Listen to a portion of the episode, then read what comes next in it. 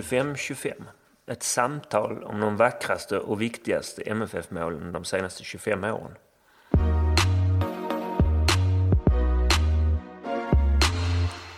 Vi som gör den här samtalsserien heter Tony Ernst och Henrik Zackrisson. all musik och alla jinglar är gjorda av Gabriel Ernst. Podden är klippt av Martin Ringstrand.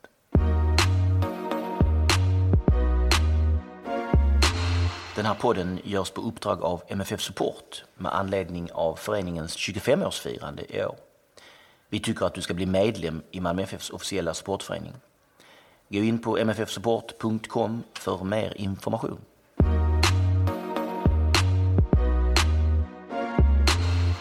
Mål 1. Marcus Rosenbergs 3-0 hemma mot Red Bull Salzburg 2014.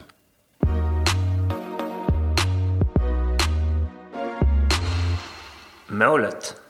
Det här målet, det visar sig när man pratar med supportrar till Malmö FF att alla återkommer liksom till det här målet. Jag har ännu inte stött på någon MFF-are som inte får dimmig blick och simmiga ögon när det här målet kommer upp.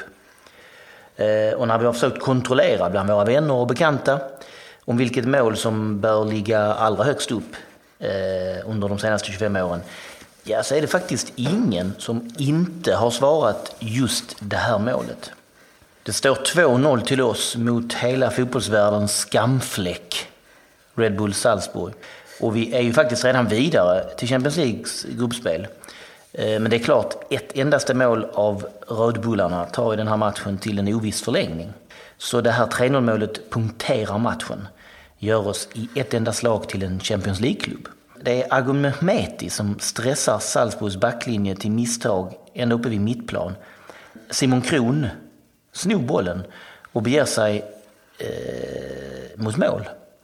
Vi är faktiskt framme i den 84 minuten.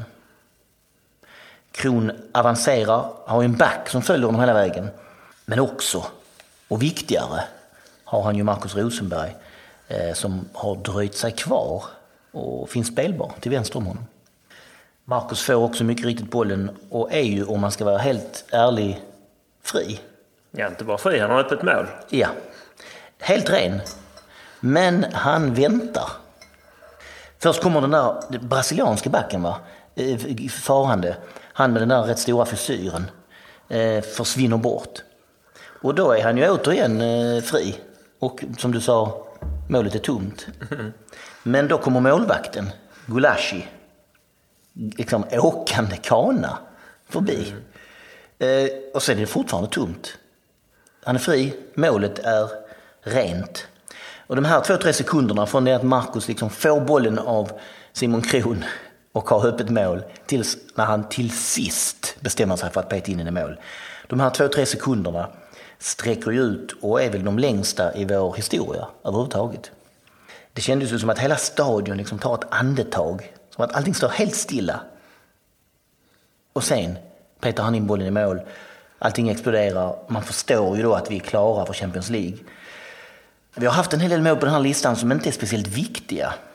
Ehm, jag tar ett exempel då, som Mattias Raneges 3-0 hemma mot HIF 2012. Det där kraftfulla eh, målet som hamnade på åttonde plats faktiskt. Där hade du, vi antagligen vunnit den matchen ändå. Vi leder redan med 2-0. Lite grann samma är det med det här målet. Vi leder ju faktiskt redan med 2-0 och vi är ju faktiskt vidare. Men ändå, vi har pratat mycket om det här, du och jag, eh, privat, att det här målet är ju det målet som på något vis bryter en barriär. Eh, Vi är en annan klubb efter det här målet. Det finns ett Malmö FF före det här målet och det finns ett Malmö FF efter. Och ja, det här målet är alltså då det bästa, det viktigaste, det skönaste, det allra största MFF-målet de senaste 25 åren.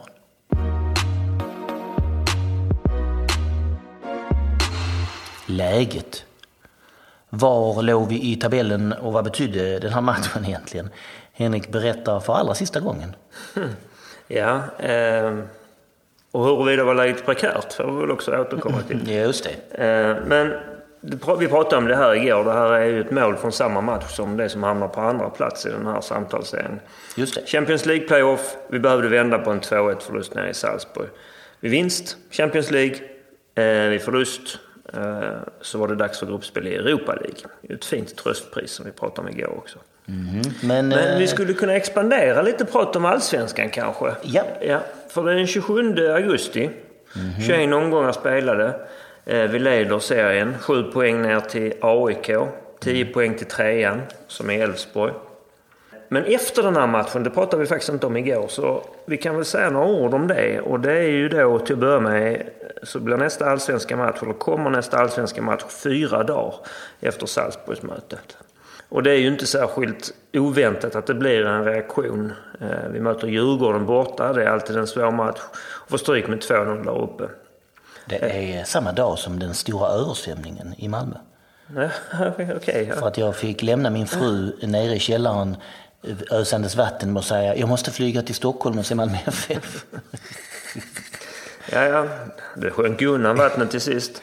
Ehm, symboliskt då så sjunker vi också. De, de gör tidigt mål, Haris Radetinac och sen Sebastian Andersson 2-0 också i första halvlek. Så minns jag att vi bränner en del chanser. Mackan har något öppet mål även här som han skjuter över, eller hur? Och vi, någon sparkar ur en tand på deras målvakt, han Höje. Just det. Just det. Är det Magnus men- Eriksson kanske? Också väldigt blodig i munnen. Ehm, och efter den här matchen så har vi bara fyra poäng ner. Och sen ser det ju, om man bara tittar på våra resultat, lite då oroväckande ut. För det här följs av två kryss. Häcken borta och HF hemma. Men, Häcken borta, det är den konstiga, besynnerliga 3-3 matchen. exakt. Där det svänger till höger och vänster. Ja, Oskar Och H- Lewicki har en jätte, jättechans i absolut sista sekunden för dem då. Just det, där... eh, Robin mirakelräddar. Ja, på En hörnorna. Nej, det tror jag Eller ett inlägg, kanske. ja, frispark från liksom mittplan och så kommer han helt fri på bortre.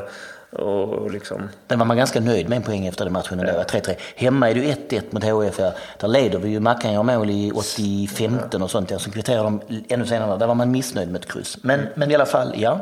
Det här betyder inte så mycket ändå visar det sig. nej, vi har ju det, flytet att AIK då som låg närmast, de förlorar bägge sina samtidigt. Och Elfsborg tar bara en poäng. Så vi har ändå sex respektive åtta poäng ner efter 24 omgångar. Och sen börjar vi vinna igen och vi säkrar alltså guldet i 27 omgången. Det gör vi i och med att vi slår AIK då. Och samtidigt förlorar Göteborg som har börjat kliva uppåt i tabellen. De förlorar mot Norrköping den rundan.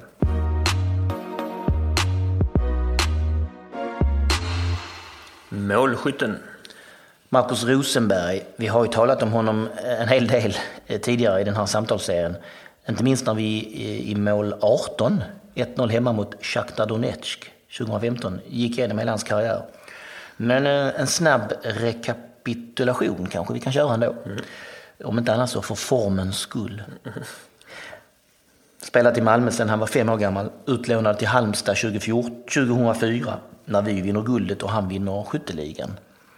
Um, utrikesproffs 2005 på sommaren. Till och med eh, vintern 2013. Uh, I bland annat Ajax, Werder Bremen, West Bromwich. Där är någonting till, va? en spansk klubb, eh, Santander. Santander. Mm. Ehm, nu tre SM-guld, två Champions League-gruppspel. Fjärde bästa Champions League-målskytt, borträknat eh, kvalspel, eh, hos oss efter Zlatan, Jari och Mats Magnusson. Ehm, inte för att de fyra spelarna har gjort alla sina Champions League-mål hos oss, men hos spelare som har varit hos oss. Eh, levande legendar får man väl säga att han är, Marcus Rosenberg. Och vi är väldigt glada också, det har vi kanske inte riktigt pratat om, men jag tänkte på det när vi skulle sammanfatta det här att vi är väldigt glada över att eh, man får ett år till med honom. Det visste vi väl inte riktigt när, eller vi visste inte det när Nej. vi började spela in de här sakerna i somras. Och faktum är så att vid ett av tillfällena när vi skulle spela in det här, det kan ha varit någon intervju vi skulle göra på Malmö stadion i någon loge med någon av spelarna, jag minns inte vem. Så var det precis när Marcus hade tagit det här beslutet och han satt inne i, i pressrummet och blev intervjuad av fyra, fem tidningar då. Och där stod vi med vår inspelningsutrustning och, och kände oss rätt fåniga. Vi fick gå ut. Vi fick ut, ut och vänta. Inte för att någon körde ut oss utan bara för att vi kände oss så fåniga. Ja, för vi stod liksom och överhörde hur Marcus sa att han älskade Malmö FF och ville gärna spela lite till. Och så blev det som att vi inte riktigt visste var vi skulle ta vägen. Nej. Men, men sammanfattningsvis så är det ju Ja, ja. he- helt suveränt att han spelar hela 2018 också. ja, och vi kan väl också rekapitulera det här att han ju faktiskt är under de här 25 åren vår bästa målskytt tillsammans med Niklas Skog. Just det. Så han lär ju bli, får vi väl anta, ensam herre på täppan där Ett mål krävs 2018.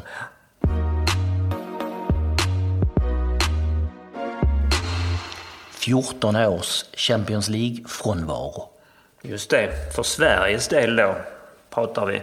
För det här är ju första gången sedan 2000 som ett svenskt lag kvalificerar sig för Champions Leagues gruppspel.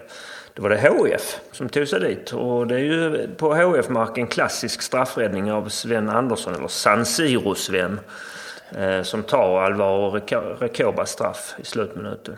Eh, de möter alltså Inter. Och hade, det, hade den gått in så hade det blivit förlängning. HF hade vunnit hemma med 1-0. Det var Mikael Hansson som gjorde mål då. Ganska sent. Ja. Så, mm. Har det varit nära någon gång under de här 14 åren? Ja, det kan man väl säga. För närmast fram till 2014, det är ju vi. Mm. Det är Malmö FF mot Dynamo Zagreb 2011. Där vi är ett mål ifrån. Och det är den där man måste väl säga den där sabla vänstervolleyn av Ulrich som hade blivit topp tre på en sån här lista om den hade ja, gått in. Och då skulle den Ulrichs enda... Mål, hade han hade blivit topp ett. Ja, det är Ulrich gjorde ju ett eh, I en tävlingsmatch, en cupmatch mm. mot något lag från division långt ner. Typ 5-0, ett ganska snyggt mål. Men... Mm. Men eh, nu, nu, nu, nu, ska vi inte älta eh, sådana saker som nej, inte blev, nej, för det, nej, det ligger inte alls eh, för oss. det gör det inte, det är helt riktigt. Annars då, förutom vi, ja. HBK var inte så långt ifrån 2001 kan man säga, där man började med att avfärda irländska Bohemians. Sen förlorar man hemma mot Anderlecht eh, 3-2. Och avslutar, på den tiden var det bara två matcher för att ta sig dit. Sen avslutar man med 1-1 borta. Eh, alltså i omgången innan gruppspel. Det är ju ganska bra, men man var ju två mål från avancemang där. Eh, jag vill minnas att man gjorde bra matcher, för det pratas om ja. det där på Halmstad om att det var att man ja. nog hade lite oflyt kanske till och med. Ja, men det hade ju inte räckt med 2-1 borta utan man hade behövt ett tredje mål också. Mm. Eh, samma omgång når eh, Djurgården 2004. Man överlever litauiskt motstånd i första rundan. Och sen får Juventus och börjar med 2-2 borta. Det har lett med 2-0. Men det var 2-0 efter en halvtimme typ? Ännu, ännu tidigare? Ja, och det var, de kvitterade ändå ganska tidigt i andra halvlek. Men man håller 2-2 och då är det ju stor, alltså hås som man mm. säger. Men eh, Juventus har kommit igång. Säsongen är väl lite, om man inte har kommit igång så är den i alla fall lite närmare start i Italien. Och de avfärdar Djurgården i Stockholm med 4-1. Och då kan man ju också säga att Del Piero, Nedved och Trezeguet gör målen. Så det Ganska bra spelare. Hyfsade, får man ändå säga. Men matchen spelas i augusti, så det är innan Zlatan anländer, för han kommer till Juventus det här året. Sen kan väl också nämnas Göteborg, eller förlåt, Elfsborg 2007 först. Elfsborg 2007. Då krävs det tre runder. Eh, man klarar de två första, nordirländska Linfield, ungerska Debrecen och sen så åker man ut klart mot Valencia 0-3-2. Det, det här var ju innan Platinis omgörning av det så att det fanns en Champions Route. Mm. Där kunde man alltså, alltså få tredje eller fjärde lag inom de fem stora ligorna. Precis. De får Valencia och det är ju väldigt svårt. Mm. Sen så tycker jag också att Göteborg förtjänar ett hedersomnämnande 2008. Göteborg som jag har klagat och eh, hånat får man nästan säga i ärlighetens namn. Med all rätt. Mm. Ja, eh, 2008. Eh, då har man först avfärdat San Marino-motstånd och andra omgången så leder man med 2-1 en bit in i andra eh, halvlek i returen mot Basel. Inget dåligt lag alltså. 1-1 hemma har man spelat hemma. Men Basel kvitterar 70 och gör sen 3-2 83. Och till sist 4-2 på övertid. Men där... Eh, ganska bra, får man säga. Men det hade varit en omgång kvar? Ja, det hade det varit. Mm. Eh, annars då, ibland har de svenska mästarna lyckats överleva en eller till och med två runder som Elfsborg HF 2012. Ibland har de lite utslagna direkt som Hammarby mot Partizan Belgrad 2002. Eller Djurgården mot Rusomberok 2006. Och Kalmar mot Debrecen 2009. Och de här sista exemplen låter kanske som jag säger för att skylla över vårt nederlag mot Vardar i år sätta det i ett annat ljus. Men, men det är ju inte riktigt syftet. Den, för den näsan den lever vidare oavsett hur mycket vi kan spegla den i annat. Eh, man kan väl också säga att under 00-talet så erbjöds sen utslagning vidare spel i Uefa-cupen. Eh, vi minns ju att vi fick åka till Turkiet, besiktas, efter att ha åkt ut mot Thun 2005.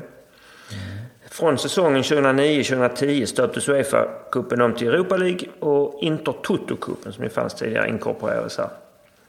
Gruppspel var ju inget nytt dock med Europa League. Det hade funnits i Uefa-cupen sedan 2004. Eh, men nu blev det fler grupper. Och Europa League-gruppspel, om någon har missat det, det hamnar vi 2011 efter förlusten i playoffet mot Zagreb som jag nämnde. HF 2012 togs också dit på samma vis. Och Elfsborg 2013, och då gick man, hade man åkt ut en runda innan så man fick playoffa in sig där mot Nordsjälland. Mycket åtal, mycket motståndare och man kan väl säga det också att, kan man säga det också att det är alltså när vi går vidare och slår eh, Salzburg den här matchen 2014 så är det alltså 14 år sedan då som ett svenskt lag har varit i Champions League. Men året efter så går vi ju direkt dit där igen. Mm. Och 2016 misslyckas sen eh, Norrköping i första matchen mot Rosenborg. Ja, precis. Eh, Norrköping var inte på övre halvan av sidningen Just det. Där. Men man åker i första matchen. Och 2017 åker sen vi i första matchen mot Vardar. Ja, och om man tittar också på det här och det har gått så är det ju faktiskt rätt så anmärkningsvärt att vi är närmast 2011. Men dessförinnan är det Halmstad 2001. Mm. Som är liksom några mål ifrån. Annars har det aldrig varit riktigt nära faktiskt ens. Uselt kan man sammanfatta det. ja, Under de åren där, där det var. Ja, eh, är uselt rätt ord är det kanske. Jag tänker att ja, det är det nog. Jag tycker att visar. något lag borde åtminstone varit jättenära. Det här du pratar om Rosomberok och Debrecen i första rundorna, det där är ju inte speciellt imponerande alltså. Ja. Även vårt Vardar 2017 ingår i samma rätt katastrofala... Mina kamrater i Kalmar hävdar att Kalmar hade en fruktansvärd otur mot Debrecen. I första rundan? Vi borde ju gått vidare. Eh, jag tycker vi sammanfattar de här 14 årens Champions League-frånvaro mellan HF eh, 2000 och oss 2014 som uselt.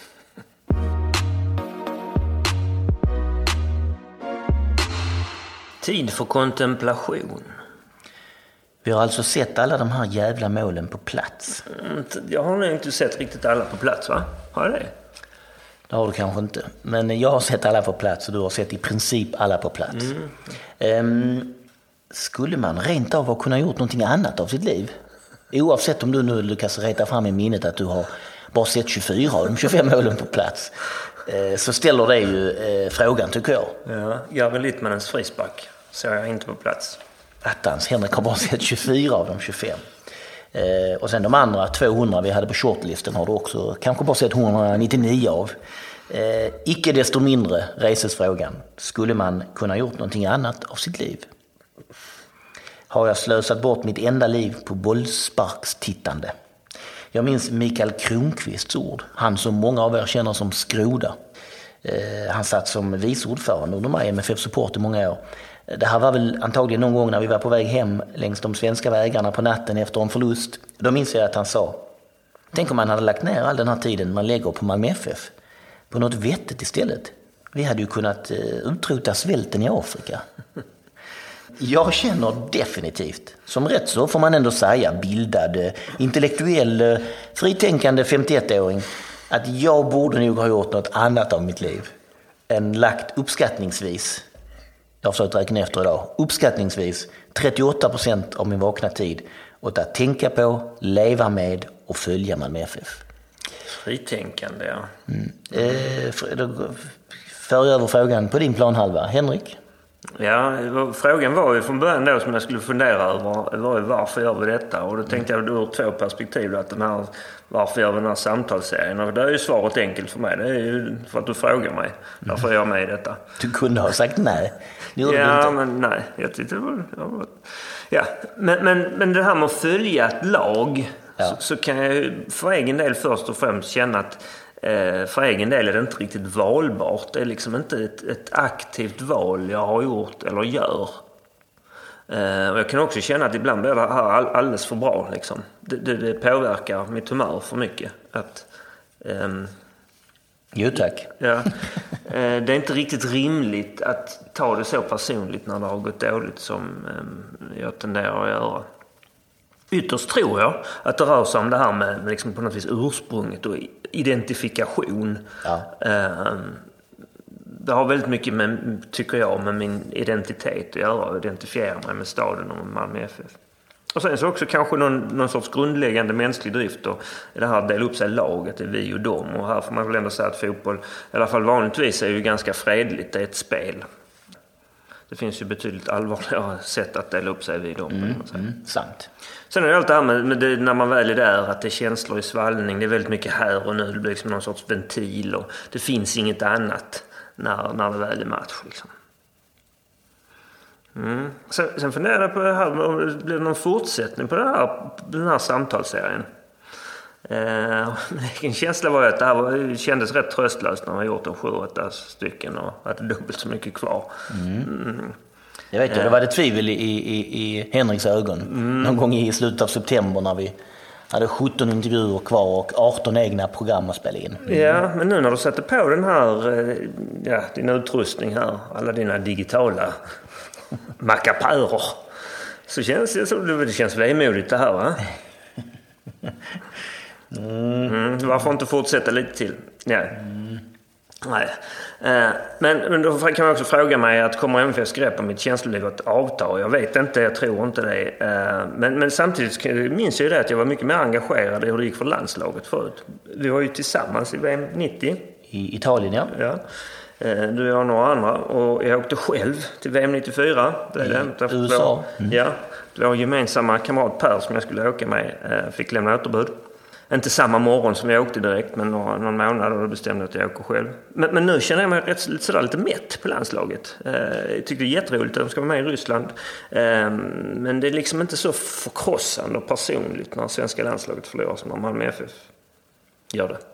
Nej, jag, jag har kanske aldrig varit riktigt lika så landslags... Eh, intresserad som du, men jag har ju varit betydligt mer landslagsintresserad ja, än jag är idag. Visst var vi otroligt ledsna när det gick fel 85 där och Carlos Manuel fick drömträff. Och, ja, precis. Då var man kanske i rätt ålder också, 18-19 år, och tyckte att det här var, eh, hängde lite mer samman med det. Mm. Jag har nu, efter det, vid 20-25-årsåldern har jag frikopplat det lite grann. Jag kan titta på en landslagsmatch ibland, mm. men eh, eh, det gör man inte så himla mycket om de förlorar. Det går ju riktigt inte, det går inte att jämföra känslorna hur det är med, eller framförallt magontet när man FF spelar. Men du, du säger det Henrik, att det kanske trots allt liksom finns hopp för oss här. Att den här övermäktiga liksom, känsloansamlingen man har för Malmö FF kanske eventuellt kan mattas av jag en tror, aning. Som sagt, jag tror inte det. Men, men, men man kan ju inte... Vara säker. Eller, kan inte vad framtiden bär i sitt sköte. Eller sköte. Eller vet du, eh, tror du att det blir så att vi står där på Falkenbergs bortaläktare. Hösten 2042. Då är vi båda två 76 år gamla. Jag antagligen kanske med någon käpp och du kanske har en hörapparat. Mm. Mm. Vi försöker sjunga med, kan inte alla nya ramsor men, men försöker. Eh, stöttar ju laget såklart. Men samma molande ångestklump i magen båda två. Och, och, och 1-1, 80 minuten, vi får liksom inte in den, mycket övertag men boll, men får inte in bollen. Och så vänder du mot mig och säger läget känns prekärt. Bortglömda mål. Ja, då pratar vi alltså om det här med att vilka mål var nära att komma med på listan. Och det är ett som jag återvänt till flera gånger, men det här Tokelorantis 2-1 hemma mot Elfsborg 2013, det är ju ett mål som innehåller väldigt mycket. Ett ja, guldår ett... för en verkligt helfestlig spelare. Ja, ett festligt mål på alla sätt och vis. Jo, det borde kunna ha varit med. Det var väl med ganska länge på shortlisten, ända mm. ner till det var bara 30-35 mål kanske, ja, som vi skulle få ner till 25. Mm. Eh, om vi hade tittat mer mot 90-talet så kanske något av målen från hemmasegern mot Nottingham 1995, den är ju rätt tung ändå mot en, ett, ett Premier League-lag. Eh, de ledde ju inte oss vidare sen, vi gick ju nej, inte vidare där. Nej. Men guldmatchen 2010, Gilloans eller kanske med Agons mål mot Mjällby, där, guldmål. Där har vi valt Wiltons mot Helsingborg för att det, det är ju inte guldmålet men det är där vi liksom på något vis... Ja, det, det, ja tar tag Precis. i det hela. Men det är ett riktigt fint mål framförallt kanske Gilloans ja. först, eh, det första där. Sen så självklart eh, Anders Christiansens i år mot Norrköping där han löper från mittplan och knallar upp den i krysset. Det är ju ett, det är ett guldmål och där kan mm. vi väl säga att det hade ju varit med om vi hade eh, satt samman den här listan efter säsongens slut. Mm, precis. Men vi började ju ganska mitt i. Mm. Och då blev liksom 2017-målet fick ju bli Erdals mot Östersund. Ja. Och vi är ju så rigida så vi kunde inte ändra listan mitt i. Nej, vi, vi, vi, vi pratade om det. Ska vi ta bort något och försöka få tag på valsedelsen? Nej, nej, det gick inte riktigt. Nej. Men nu äh, har vi bestämt. Alla ni som, som undrar vad detta, eh, ni har rätt. Det, det, skulle och borde kunna ha varit med. Mm. Sen har vi då Mackans frispark mot Sparta Prag. Ja. Det tog ju själv Åge upp, om ni lyssnade igår. Ehm, och där kan man ju säga att, att hade jag då bett om din, min och Åge Hareides åsikt Ja. så hade jag ju lyssnat mest på Åge Hareide, Ja, det rent generellt. står ställt utom allt tvivel. Ja. Så det kan vi säga rakt ut. Att Mackans frispark mot Sparta Prag till 2-0 hemma, det borde varit med. Mm. Men då hade det också blivit så att vi hade fått ett, ett tre Rosenberg-mål. Vi bestämde väl oss för att det får vara max två per, per spelare för att det ska eh, kännas lite roligare så att vi får med eh, fler olika sorters spelare. ju. Mm. Det, där, det där med att Åges ord väger tyngre påminner mig om att vi har gått i samma gymnasieklass. Att vi hade något demokratiskt förfarande där som innebar att eh, när vi röstade om saker så fick de viktiga personerna fler röster. Mm, vi, vi, ja, så gällde ju killarna i klassen för tjejerna vågade vi ju inte prata med. De fanns ju inte med här. Eh, Och killarna i De klassen... ägnade sig åt vuxna saker. Ja, precis. Killarna i klassen, vi bildade något, eller bildade, inofficiellt kallade oss för kollektivet. Med, med stort K. In, Inget mer, utan bara kollektivet. Och där var det till exempel som, eh, vi, oj vi fick en håltimme, eh, vad ska vi göra? För man kunde inte riktigt gå iväg och göra något Nej, Det var själv. inga viktiga saker. Nej, precis. Och så var det, ska vi gå till Domus och handla snask?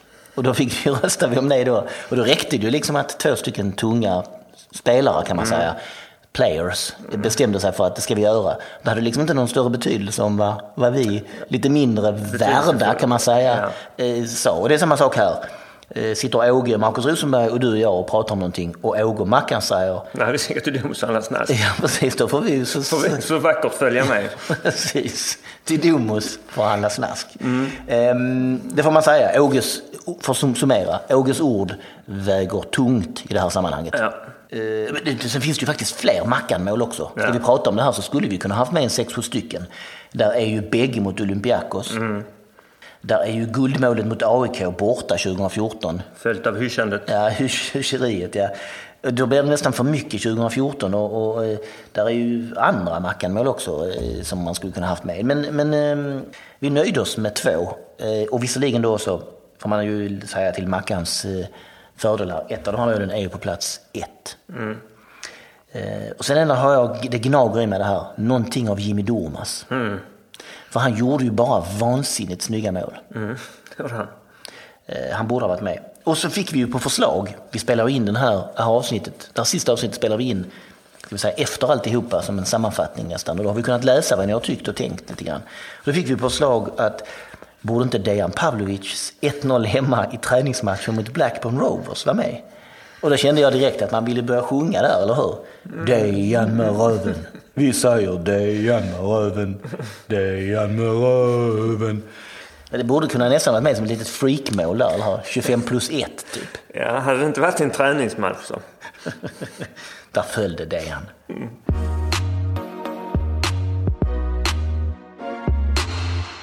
Mer om målskytten.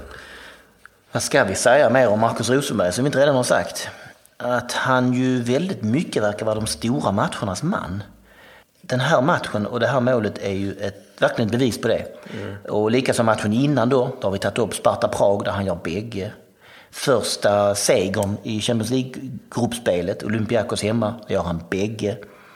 Ja, och sen har vi då året efter Shakhtar Donetsk hemma när vi vinner vår andra match i Champions Leagues gruppspel. Eller i kvalmatcherna Celtic hemma, Salzburg hemma när han också gör mål. Um, Åge pratade om det här igår, om ni lyssnade då, att han, att han, precis som han själv, så visste han att Marcus inte tyckte det var speciellt kul att åka till Kopparvallen. Eh, Som ett exempel. Ja, precis. Det var lite synd att Kopparvallen fick ta stryk för allt det här, för det är en trevlig gammal eh, arena med träläktare. Men eh, utan att såväl Marcus som Åge snarare lever för de här stora matcherna. Eh, att det har varit väldigt tydligt under hans tid ju, sen, sen han kom tillbaks då, 2014. Ehm, och en, en, annan grej också som jag har tänkt på är att vi har inte pratat så mycket om att han är så illa omtyckt av andra lags supportrar. Han Är är, det? ja, det är ju Marcus Rosengris och allt möjligt. Och det, det är så Är roligt. inte det mer en kommentarsfältsgrej? Ja, jag tror att det är bortom. Ja, det tror jag att det gör. Jag tror det är många supportrar som tycker illa om honom. Ehm, och det är ju roligt för att det förhöjer ju snarast känslan. Om många andra i de andra lagen tycker illa om honom, ja då känner man ju själv att det här förhöjer ju ens egen kärlek.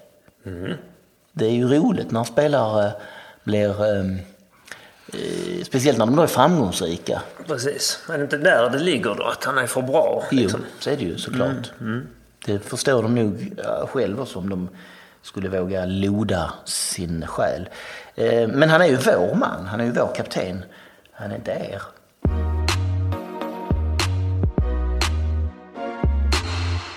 Åge Hareide. Ja, ni hörde om honom igår där han fick lägga ut texten ganska långt, får man säga. Där han ju pratade om Magnus Erikssons 2-0 mål eh, från just den här matchen. Men han pratar inte bara om det, han pratar om eh, en massa saker. Eh, vi, vi, måste säga några ord om honom väldigt kort här också. Kom ju till oss då inför säsongen 2014, omstritt namn. Många, inklusive jag själv, tyckte att han var för gammal. Det var den stora kritiken, han hade fyllt 60. Um, och dessutom hade han ju det där uh, att han var liksom anfrätt av att ha tränat HIF i två omgångar. Ja, sen var det ju också Norling lämnade hastigt så det blev ju, jag ska inte säga att det var en nödlösning för det var det nog inte men, men det känns ju som klubben togs lite på sängen av att Norling så att han fick, han gjorde. Han fick vara ett snabbt val liksom. Mm. Men eh, han får väl ha sägas överbevisat oss allihopa. eh, och gav ju oss som present 2014 som du brukar säga, den största säsongen den här klubben har varit med om. Mm. Um, idag är Åge Hareide 64 år, förbundskapten för Danmark.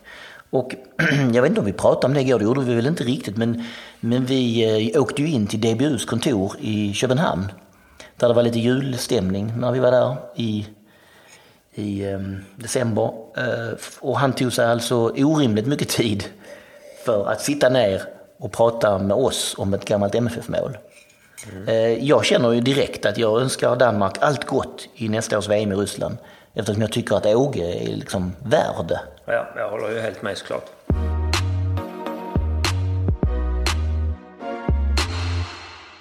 Kluriga frågan. Den allra sista. Mm. Ja, ni känner till den här avdelningen, men ni vet hur det går till. Jag ställer en klurig fråga till en Henrik som är oförberedd. Vi går rakt på sak. Kapten i den här famösa 3-0-matchen mot Salzburg, ja det är ju såklart Markus Rosenberg. Eh, nu ska vi kolla upp om du kan kaptener i lite andra matcher under de här 25 åren.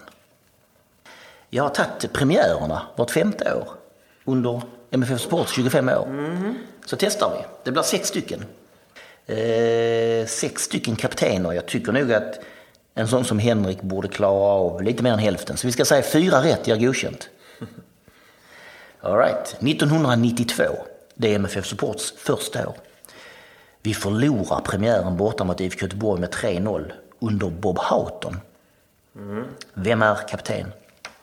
Kan Johnny ha varit kapten då?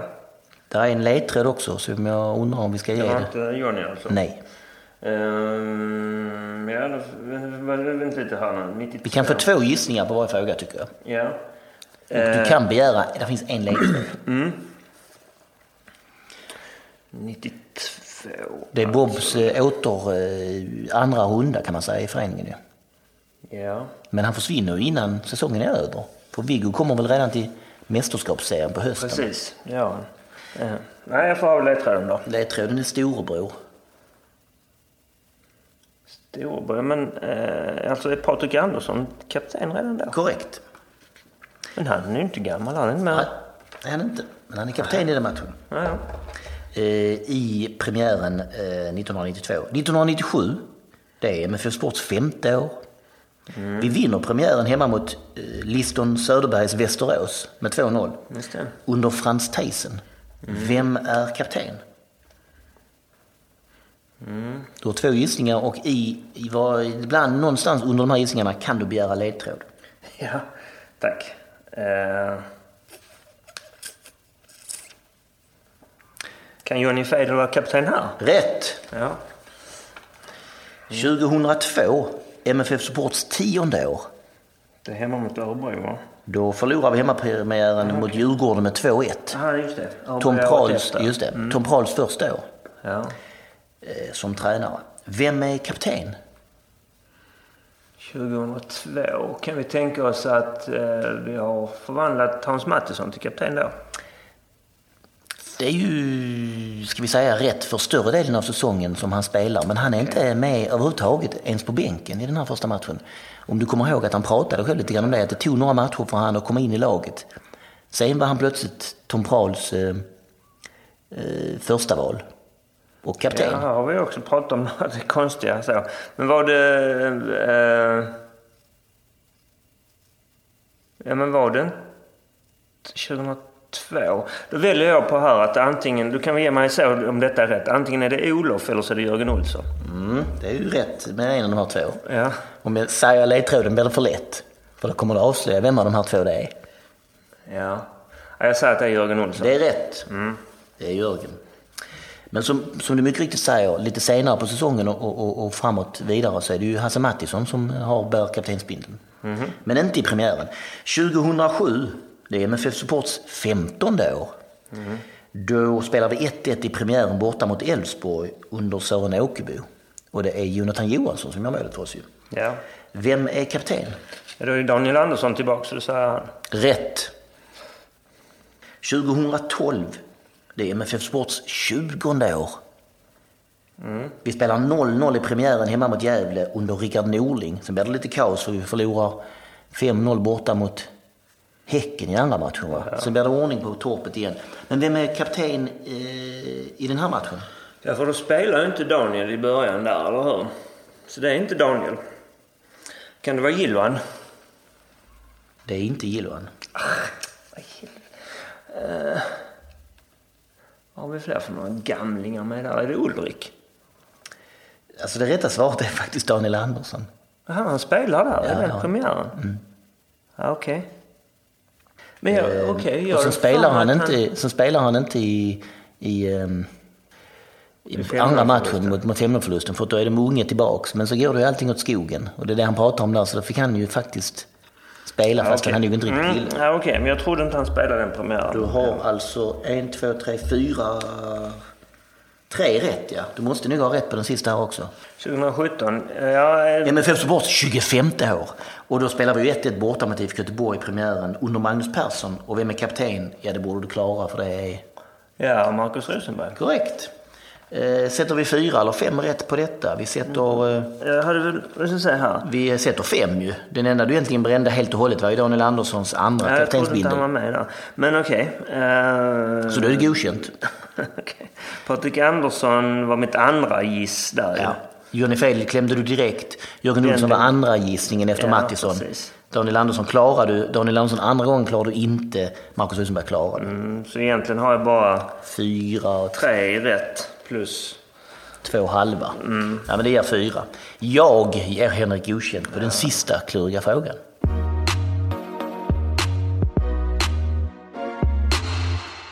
Kluriga frågans facit. Just det, 25 frågor har det blivit av varierande klurighetsgrad eh, till Henrik genom de här 25 avsnitten. Så det är väl dags att summera. Om jag då är snäll, eh, det vill säga ger rätt även när det har varit ledtrådar inblandade och lite tänkande och gnuggande, så är det alltså 16 rätt av 25. Det är riktigt dåligt. Jag skulle precis säga att det är väl godkänt, men ni hör hur olika man kan tolka saker. Ehm, ibland har du fått hjälp av ledtrådar, ibland har du klarat det helt själv direkt. Ibland har det varit väldigt svårt. Eh, andra målvakt i, under den matchen eh, på stadion där, Stockholms stadion där Jari Littmanen gör målet, det var Kenneth Mattsson. Den var, den var svår. Eh, ibland har det varit saker som har varit direkt fåniga, som gulaschens krydda till exempel. Mm, ja, den skäms jag inte för att Nej. jag missar. För att, eh, Men eh, vi får väl ändå säga som så här att jag ger dig godkänt. Du har haft två stora missar. Så får man säga. Där som du borde ha tagit. Och vi ska väl gnugga ångesten aningen i det anledning då genom att upprepa de här två. Det ena är ju att du alltså inte fick fram att Guillermo Mollins hade fyra SM-guld. Den är på gränsen till skamlig. det är inte på gränsen, det är ju långt över all skamgräns. Och sen får man ändå säga att, att du inte klarade att det var Lee Baxter som gjorde debut vid Zlatans dribbelmål. Ja. När du även fick ledtråden att han hade en far som hade varit en berömd tränare. Mm. Ja, det är också väldigt dåligt. Det var, det var en svår fråga att klämma direkt tycker jag. Ja, det var det. Men med den ledtråden det- borde du ha kunnat ta det. Ja, det är ju helt rätt. Där är många andra skamliga, usla fel. Ja, men det är de här två som, som, som sticker ut. Men i, annars så måste jag som är kluriga frågan eh, Konstruktör. skapare ge Henrik godkänt.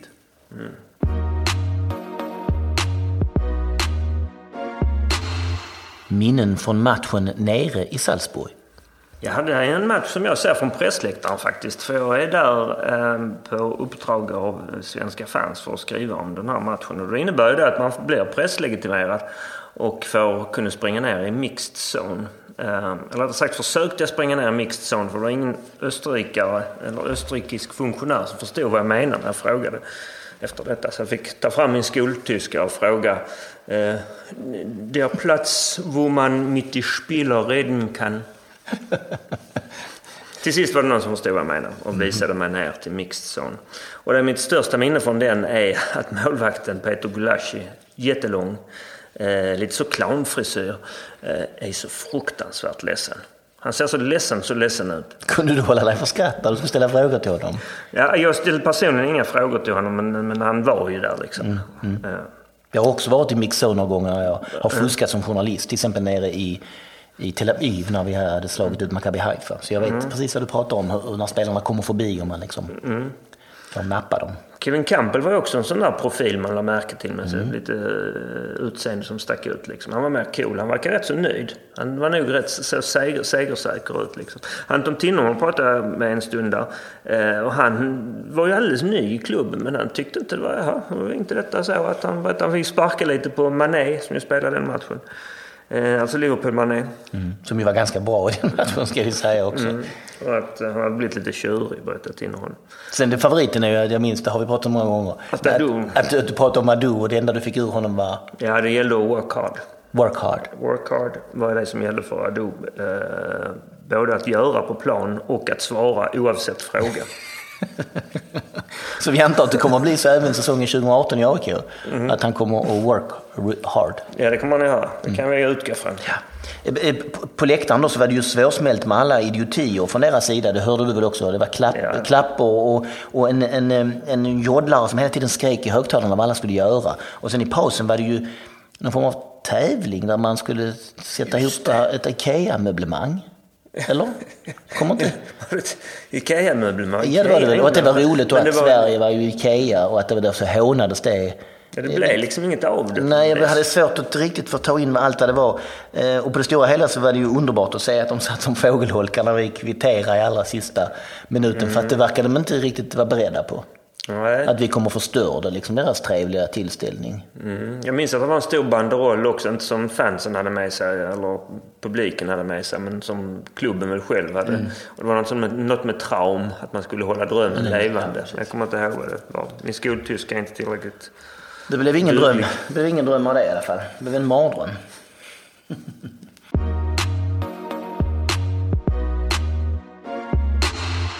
Minnen från hemmamatchen? Ja, om vi då går till returen. Den matchen vi pratar om här, där alltså Marcus Rosenberg gör vårt viktigaste mål under de här 25 åren. Så kände jag att stämningen och hatet och alla de här känslorna hade byggts upp under några dagar där. Så att jag minns att jag var helt stissig redan på förmiddagen. Jag skulle jobba men hade väldigt svårt för att överhuvudtaget utföra enklare arbete. Um, och visst kändes det som att det hade gått från, ja det var helt omöjligt, till ja, men det kanske kan gå ändå. På bara några dagar liksom. Mm. Så det fick ju inte, kanske inte just för dig, men för många så var det som att, ja de är alldeles för bra, till, vänta nu här. Mm, men det var ju känslan trots allt från bortamatchen också, att det gick att såra dem. Mm. Liksom. Mm. Det, det där har vi pratat om, eller det har jag ja. pratat om, Mackans två chanser där nere. Speciellt ja. den här i början ja. som han nog gör, ska göra mål på. Um, jag vet att jag var på Lilla Torg innan på dagen och blev intervjuad av Aftonbladet tillsammans med Simon Bank och Robert Laul. Och då satt där en del Salzburg-supportrar runt om på utserveringarna där. Och då vet jag att jag blev Eh, Eh, jag tror att jag tappade helt att jag blev så förbannad. Jag kunde liksom inte ta in hur man som vuxen människa, och kommer och med ett litet barn, då kan man hålla på Red Bull. Man som vuxen människa kunde heja på det här laget. Alltså bestämma sig i vuxen ålder. Jag, jag ska behålla på de här. Det har svårt att ta in, så jag gick omkring och skrek på folk. Eh, som värsta rättshaveristen. Och, och skrek om att ni kan ta er sockersörja och dra åt helvete. Um, och jag tror ju inte att de förstod mig såklart. Ja, det här är ju inte rekommendabelt. Nej, det är det ju inte. Det men, men man var ilsk. Jag nu precis fick skämmas för min Guillermo Molins debacle. ja, och när jag cyklade hem, jag var lite som, som en, en sån klassisk rättshaverist som cyklar omkring i stan och pratar med imaginära vänner. Ja. Um, och, och sen var, var jag i alla fall på stadion ganska tidigt där. Mm. Och det var ju en eh, galet tryckt, närmast direkt när man kom in ju. Mm. Eh, och sen efteråt, när matchen liksom var över, då var jag med lite grann, det röjdes rätt rejält på ståplatstorget, bakom ståplats. Men ganska snart faktiskt kände jag att jag ville cykla hem. Och sitta själv där hemma med detta. Var, var du ute och rörde dig eller sådär? Eller du stack också hem? Eh, jag var ute och tog någon öl efteråt. Ja. Ja, jag klarar liksom inte riktigt... Uh, klarar inte riktigt av det på något vis. Nej. Kände att... ehm, det var nästan som att det var för mycket. Och det kom ju gratulationer och sånt från alla. Speciellt eftersom vi mötte dem. Jag har jobbat ganska mycket då med utländska supportrar till olika klubbar och så vidare i mitt arbete med Football Supporters Europe och Supporters Direct. Och där var det jättemånga som gratulerade. Inte minst för att vi hade slagit ut just Red Bull. Men jag kände att det här, det, det, jag hade svårt att ta in allt det här så jag var tvungen att sätta mig där hemma själv. Ehm, men jag, jag, jag känner mig fortfarande så här. Jag kommer aldrig glömma den här matchen. Aldrig. Den här dagen och vad det här laget då gjorde för mig personligen och för klubben och för staden. Mm, personligt är vad det är. Det är, person, det är personlig välgärning Ja, men- riktad just till mig. Ja, jag känner ja, ja, säg det. De bara, vad är det du önskar allra mest Tony? Jaha, att vi ska sluta med att gå till Champions League. Va- Varsågod. Och vi, vi, vi ska inte bara göra det på ett alldagligt vis. Utan vi ska ha har en straff direkt så att man får hjärtattack. Sen ska Magnus Eriksson lobbbanka in bollen från 32 meter. Och sen när du står där och det är såklart ett jäkla tryck och det är ångest och allt möjligt så ska Marcus Rosenberg vänta och vänta och vänta. Och lite medan han liksom på något vis har vänt om och är på väg tillbaka till mittcirkeln. till sist, ah, jag kan väl peta in den då. Så på det viset ska de göra det för dig, Tony och Henrik och alla ni andra där ute som var där. Eh, för att eh, ja, man ska få uppleva den största möjliga lyckan.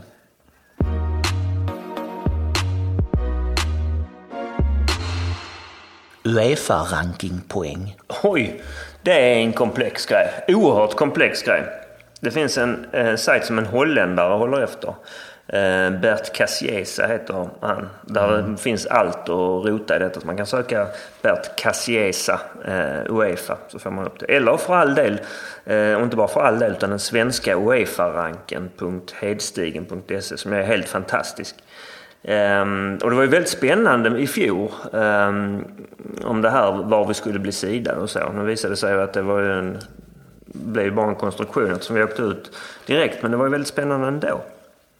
Eh, och alldeles nu nyligen så var det spännande om Sheriff Tiraspol som är kvar i Europa League skulle kunna ta sig om eh, MFF och det gjorde de. Eh, jag säger att de är kvar i Europa League. De kanske åkte ut men det var att de vann någon match till i alla fall. Ja. Jag vet inte. De har i alla fall gått om oss. Och det här är såklart allt för komplext för att dra i detalj. Jag tror inte ens jag hade klarat det.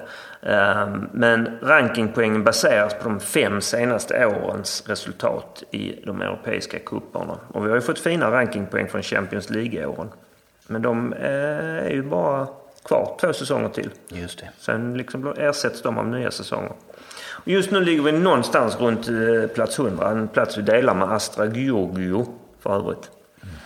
Eh, Och sen finns det ett antal lag under oss som är kvar i kupperna. Så några till lär ju gå om oss.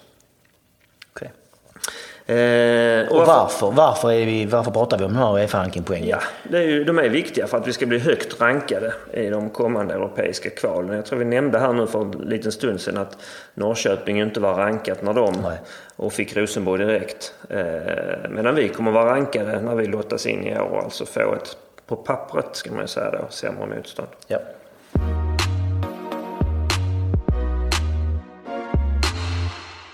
MFF Support. Ja, den här podden är ju gjord under MFF Sports vingar. Eh, för att fira föreningens 25 år. Och vi är båda, Henrik och jag, medlemmar. Jajamensan. Vi har varit det länge. Jag har varit det sedan föreningen bildades faktiskt. Sitter på ett lågt nummer, medlemsnummer. Vi uppmuntrar gärna alla er som lyssnar att bli medlemmar i MFF Support. Jag har ju suttit såväl i styrelsen som varit ordförande några år för MFF Support. Och just nu är ju min dotter ordförande, detta vet ni säkert. Så det är ju klart, det här förstår ni, att jag tycker att MFF Support är en bra och viktig förening. Varför tycker jag då detta? Jo, för att MFF Support har varit med och tagit stora och viktiga beslut i till Malmö FFs gagn. Till exempel, det har jag tjatat om förut och det kommer jag göra igen, när vi tryckte på MFF att vi skulle ha ståplats på nya Malmö stadion. Vi hade inte haft ståplats där vi har idag, där många av er stod när den här matchen spelades, eh, utan MFF Sport. Så enkelt är det. Och jag ser dessutom hela tiden MFF Sport som en sorts garant för att det finns ett par ska vi säga, bevakande ögon på Malmö FF. I all välmening. Någon som man kan lita på som liksom håller koll. Eh, så eh, det jag vill säga är bli medlem. Det är bra för Malmö FF, tror jag, med en stark och stor supportförening. Mm. Och nästa år är det ju Europaresor igen och då kommer det att finnas härliga resealternativ med MFF Sport. Bara en sån sak. Och de är ju garanterade. Det blir minst två resor. Se där ja. För att även om man åker ut direkt. Så får man en chans till att gå till Europa League. Ja. Eh, sammanfattningsvis, bli medlem i MFF Sport. Detta gagnar oss alla.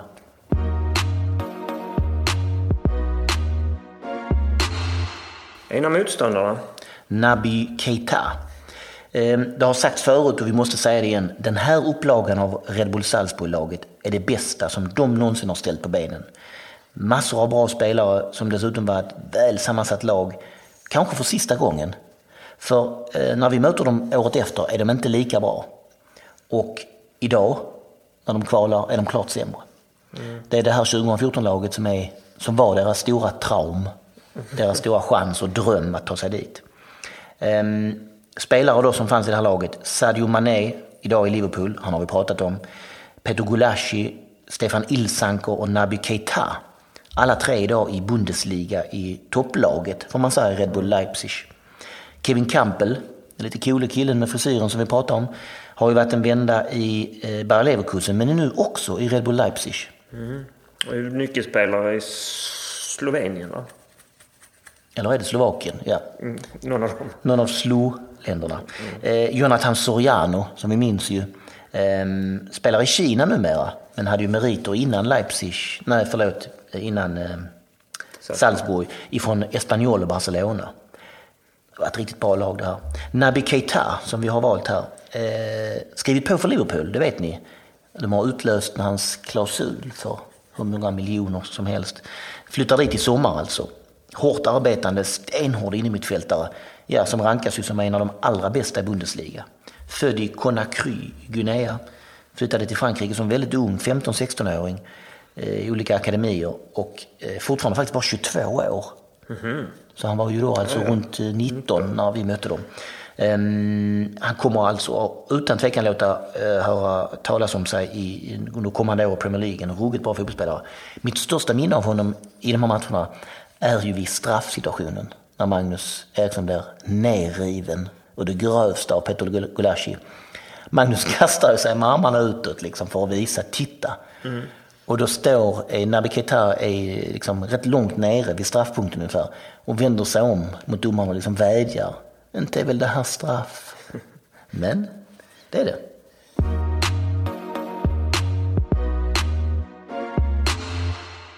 Vi ber om ursäkt. Ja, jag vill ju be om ursäkt för allt eh, egentligen. Det är så jag känner. Ehm, det finns många saker att ta upp här eh, som vi borde be om ursäkt för under den här samtalsserien. Och en generell sak är att vi sitter här och är lite så fräcka killarna liksom. Sitter i kagiga. Och sen när vi väl gör intervjuerna så är vi så, vi är så mysiga och så. vi älskar dig. Eh, supermässiga, undersätsiga. Mm, det är vi det. Mm.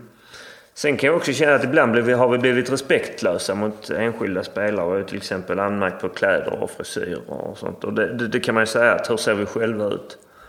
Inte världens coolaste killar. Nej, inte i någon, vad ska man säga, inte i något skick. och anmärka på andra. Vidare. Mm.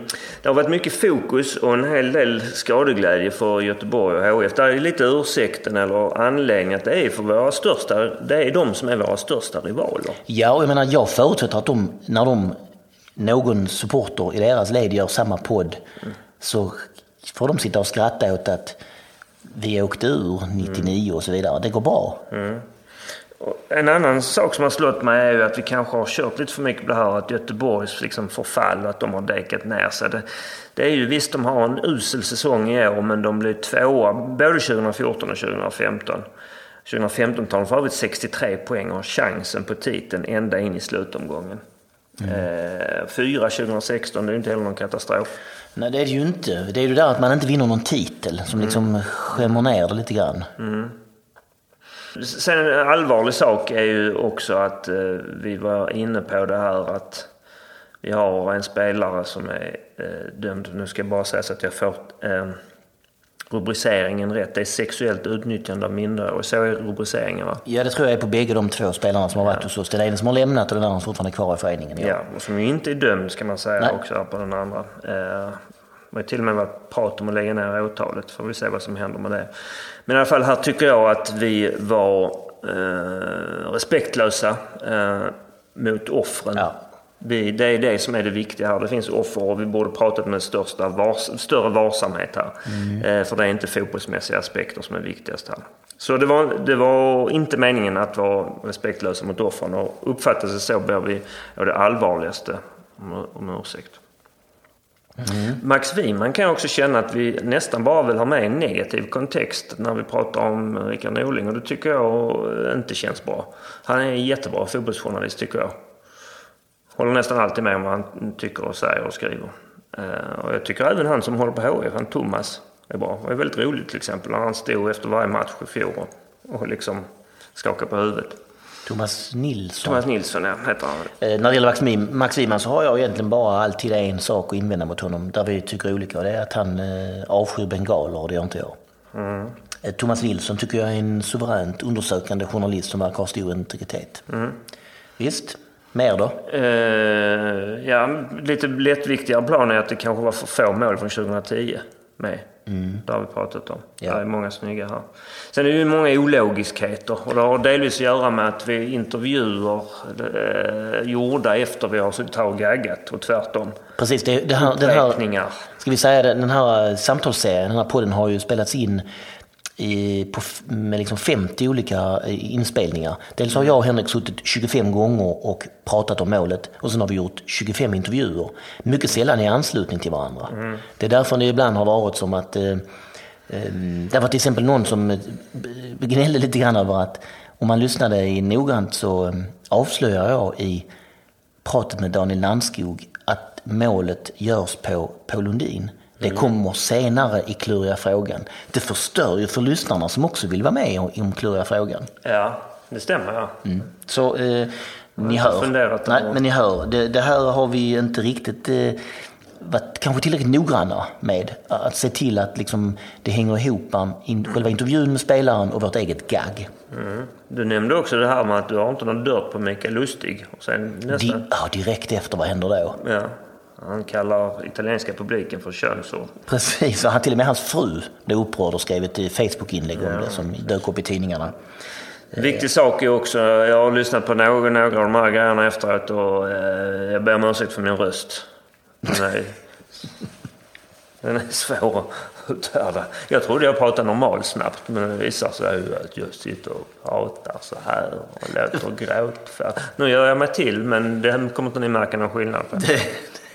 Henrik trodde att han var en rätt så, eh, ska vi säga, sensibel storstadsbo. Men det visade sig att han var en efterbliven bonde. Jag tycker dock att min röst är fullt ut lika outhärdlig. Kanske har jag hört den lite för ofta i både radio och tv och sådär. Men ehm, visst. Ja, mer. Sen har det blivit lite mer flams mot slutet. Vi var kanske stringentare och å andra sidan kanske lite för mycket sifferupprepningar i början och sen så har det blivit flamsigare mot slutet. Kanske det ja. Och sen har vi några rena rättningar också. Vi undrar ju till exempel under intervjun med Junge Berget, vad heter egentligen tupplur på norska?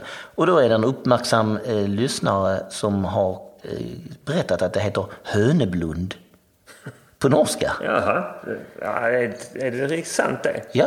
Ja, det lät ju som en sån där att banan heter Gulebund. Nej, nej, det gick att googla och tydligen var det någon norsk kung som var välkänd för att ta höneblundar. Så han ofta, oftast tog sig lite tupplurar även när det typ var viktiga regeringssammanträden eller vad det nu kan ha varit för någonting.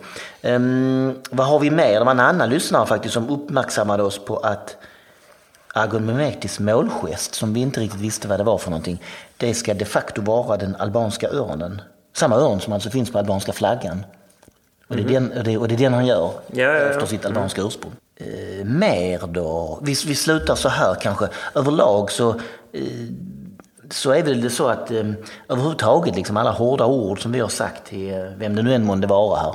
Eh, och det har varit några stycken liksom. Jag känner att jag har gnällt på, på, på vissa. Det kan vara Bengt Madsen, det kan vara ehm, Robin Olsen, det kan vara eh, ja, även spelare i motståndarlag och så vidare.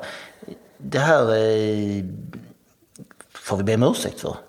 Eh, och sen alla spelare som vi har tvingats intervjua till den här serien och som har på något vis fått stå ut med våra fåniga frågor. Ja, även dem får vi om ursäkt. Och sen sist men inte minst känner jag lyssnarna där ute att ni har, att ni har härdat ut. Förlåt.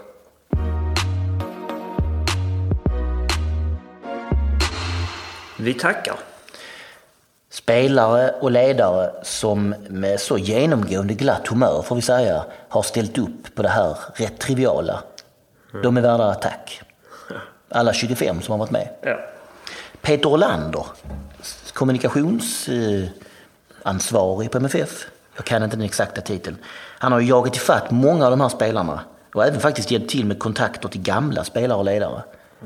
Har, han har ju varit eh, oundgänglig för att den här samtalsserien skulle kunna bli av. Ja, sen har vi ju... Anton Wallin, Ja, Göteborg, som lånade ut sin lägenhet till två egentligen luffare han inte kände. ja vi dök upp där och sa att nu kommer eh, Erik Friberg, Dardan Rekcepi och Thomas Olsson. Kan vi få intervjua dem i ditt kök? Det fick vi med kaffe och kaka och allt möjligt fint. Tack. Eh, Sen vill jag tacka mina två ungar, inte bara för att de är mina två ungar, utan till och med Ernst är ordförande i MFF Sport. Hon har liksom administrerat hela det här rasket. Sett till att det liksom har blivit av. Berättat för Malmö FF att det är en viktig sak och så vidare. Och sen har vi ju Gabriel Ernst, min son, som har jag tvingade att göra den här signaturmelodin och jinglarna fast han kanske inte tyckte att det var det roligaste han har gjort. Gett Malmö FF illusionen av att det här är en viktig sak. Det är ännu svårare. Ja. Faktiskt. Ehm, vad har vi mer? Vi har Ola Larsson i MFF Sport som har skött allt det tekniska, lagt upp alla avsnitten, eh, tydligen hört av sig till iTunes och Acast, allt det heter, för att se till att vi ska få vara med. Och sen avslutningsvis Martin Ringstrand som har klippt vartenda avsnitt, lagt ihop allt det här gagget och intervjun och signaturerna och vad det är, så att det liksom blir en, eh, ett avsnitt som ni kan lyssna på. Det är ju stort tack till alla de här. Tack.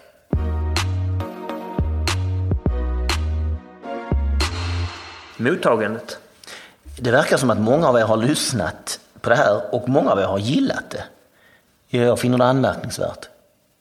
Ehm, ni har alltså just strax lyssnat igenom drygt 30 timmars tjat om 25 gamla Det kan man ju inte förutsätta att du som lyssnar har lyssnat på alla de andra 24 avsnitten. Men det är bara på att lyfta på hatten i så fall och Ja. fråga lite hur... Hur det står till. Det fanns inget annat att göra. Det är vi, jag och Henrik egentligen, vi kom fram till det, hur mår ni egentligen där ute? Jo, det är starkt av er att orka det här. Det har varit kul att läsa era kommentarer, att ni tyckte om det här. Det var roligt när Thomas Ravelli kommenterade Jörgen Petterssons mål. Det var riktigt fnissigt. Och sen var det nästan ännu roligare faktiskt när John Alvbåge verkligen bjöd på sig själv. När han kommenterade Molins mål. Mm. Men det, återigen, det får man säga om John Alvbåge. Då har han alltid liksom så på något vis stått med mössan. Inte mössan i hand, det är fel uttryckt. Men han har alltid bjudit på sig själv Ja. när han liksom har fått eh, äta upp lite vad han har sagt. Och det har han gjort med Ja. glatt humör. Samma här. Eh, vidare då, både Afonso Alves och Wilton Figueiredo har fällt glada kommentarer när de har sett målen med podden. Våra två brassar som ju numera lever borta i Brasilien. Du som har ju varit lite så flitigare med att marknadsföra det här. eh, Gjorde ju ett Facebook-inlägg med Niklas, en bild på Niklas Skog. Eh, Och noterade att Håkan Lindman likade detta. Håkan Lindman, alltså den riktiga Håkan Lindman. Den store, den evige. Ja, och alltså, visst är det så att du har Vi kompisar, pratat med honom? ja, vi är kompisar på Facebook. Han gratulerar mig på födelsedagen. Ja. Och han, han liksom pratar med dig som att ni var liksom, eh, ni är jämlika. Ja. Inte alls som att han är en gudom och du är en vanlig torpare. Nej, nej, nej. Han, han ser det nog så. Jag ser det inte så. Nej. Ja, det gör honom ännu större på något vis. Liksom det är fantastiskt. Och du, du, kan du svara? Ja, alltså jag tycker det är, det är som vår, vår, vår kompis Rickard brukar säga. För, jag, för ibland meddelar jag honom för att Rickard är ju också lika fascinerad av Håkan Lindman som jag och jag är, i många fall du också är. Mm. Och det är det när han har skrivit någonting sånt, hej Tony, bla bla bla. Så pratar jag med Rickard och Rickard tycker att det enda som man kan ge är, jag älskar dig. och det ska sägas också, Håkan Lindman är inte med i den här serien. Eftersom att han eh, inte har spelat under de här 25 åren i föreningen. Annars hade han ju varit med. Förmodligen med i alla fall en 7-8 mål.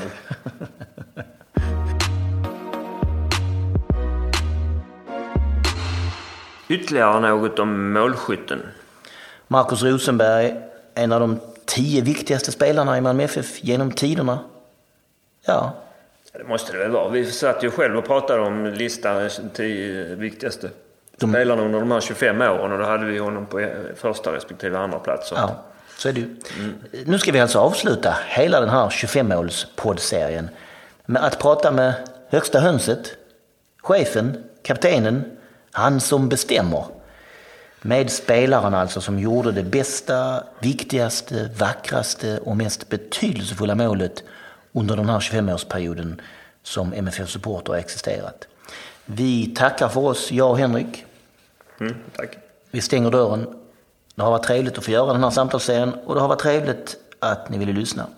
Vi ses på läktarna runt om i Sverige och Europa under 2018. Ta hand om er, alla himmelsblå. Hej.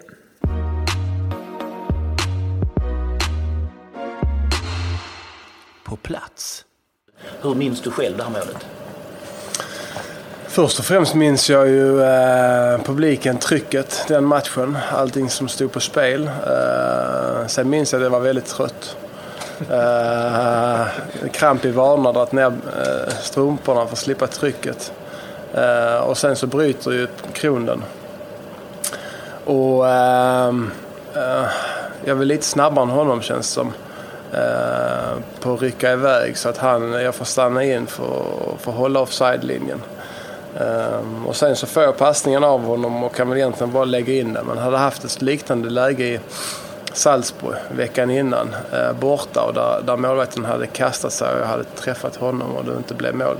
Så det satt kvar i, i din Så det satt kvar ja faktiskt. Um, just det här med att uh, man hade en bra känsla hela matchen och man hade gjort mål innan också så då blev man väl lite mer kylig. Men mottagandet är inte helt perfekt, eller? Nej, exakt. Så tanken är att jag ska ta emot den och lägga in den. Sen får jag en dålig, dålig touch och sen så, så kommer det en tredje gubbe, om inte jag minns fel. Så det blev en för mycket där egentligen, men eh, det blev ett extra touch till och sen så, ja, då, då försvann de en och en och sen till slut var det bara att lägga in den med vänstran så stod Kron där. Så det, eh, det är klart att det var ett härligt mål, men det var väl inte meningen att jag skulle dra ut på det Nej. med så många touchar. Man kan ju säga att på läktaren så kändes det ju som att det var extremt, det tog extremt lång tid. Ehm, hur den liksom tidsuppfattningen när du står där mitt i det? Ja, nej, men det, det har jag hört andra sagt också som såg det på plats. Liksom att det, det, var långa sekunder. För egen del var det inte det. Utan jag hade ändå, jag hade inga spelare bakom mig. Så jag hade ju spelarna framför mig eller till höger. Så jag hade, hade ju koll på dem. Liksom så, ehm, så att ehm, var ganska, var ganska lugn. Som sagt, hade en bra feeling hela matchen. Det, det, för det är ju de längsta eh, två, tre sekunderna i en Jo, det kan jag köpa. Jag har ju sett det en del gånger efteråt också. Så att, det, det kan jag mycket väl förstå. Eh, och, och, och, när bollen går in, eh, när du petar in bollen med vänsterna. Mm. Ehm, ja, det är ju en enorm glädje och så vidare. Men det man framförallt upplever på läktaren där och då och det som sen utspelar sig lite senare är ju att det här är ju en, det här är en barriär som har brutits för den här föreningen. Det är, det är liksom ett nytt steg. Ja, det är väl därför inte man springer iväg. Alltså, man bara ställer sig och, och tar upp eh, armarna i luften och inser hur stort det, det verkligen är. Att det är klart liksom. Eh, det är väl egentligen där det, det poletten ramlar ner och att man inser liksom att det här är, det är stort detta. Eh, och därav säkert inte att man löpte iväg och, och, och sen var jag såklart trött också så det var säkert därför man också stod kvar. Men sen känner man bara kommer fler och fler liksom och sen står vi där i en klunga och, allting är klart. Men, men du inser ganska omedelbart att nu är det här är, det här är någonting? Ja men det är väl klart. Det var ju helt, eh, det var ju det som stängde matchen. Så att det, är, eh, det är väl klart um, att alla kände så. Det kunde man känna på läktaren också.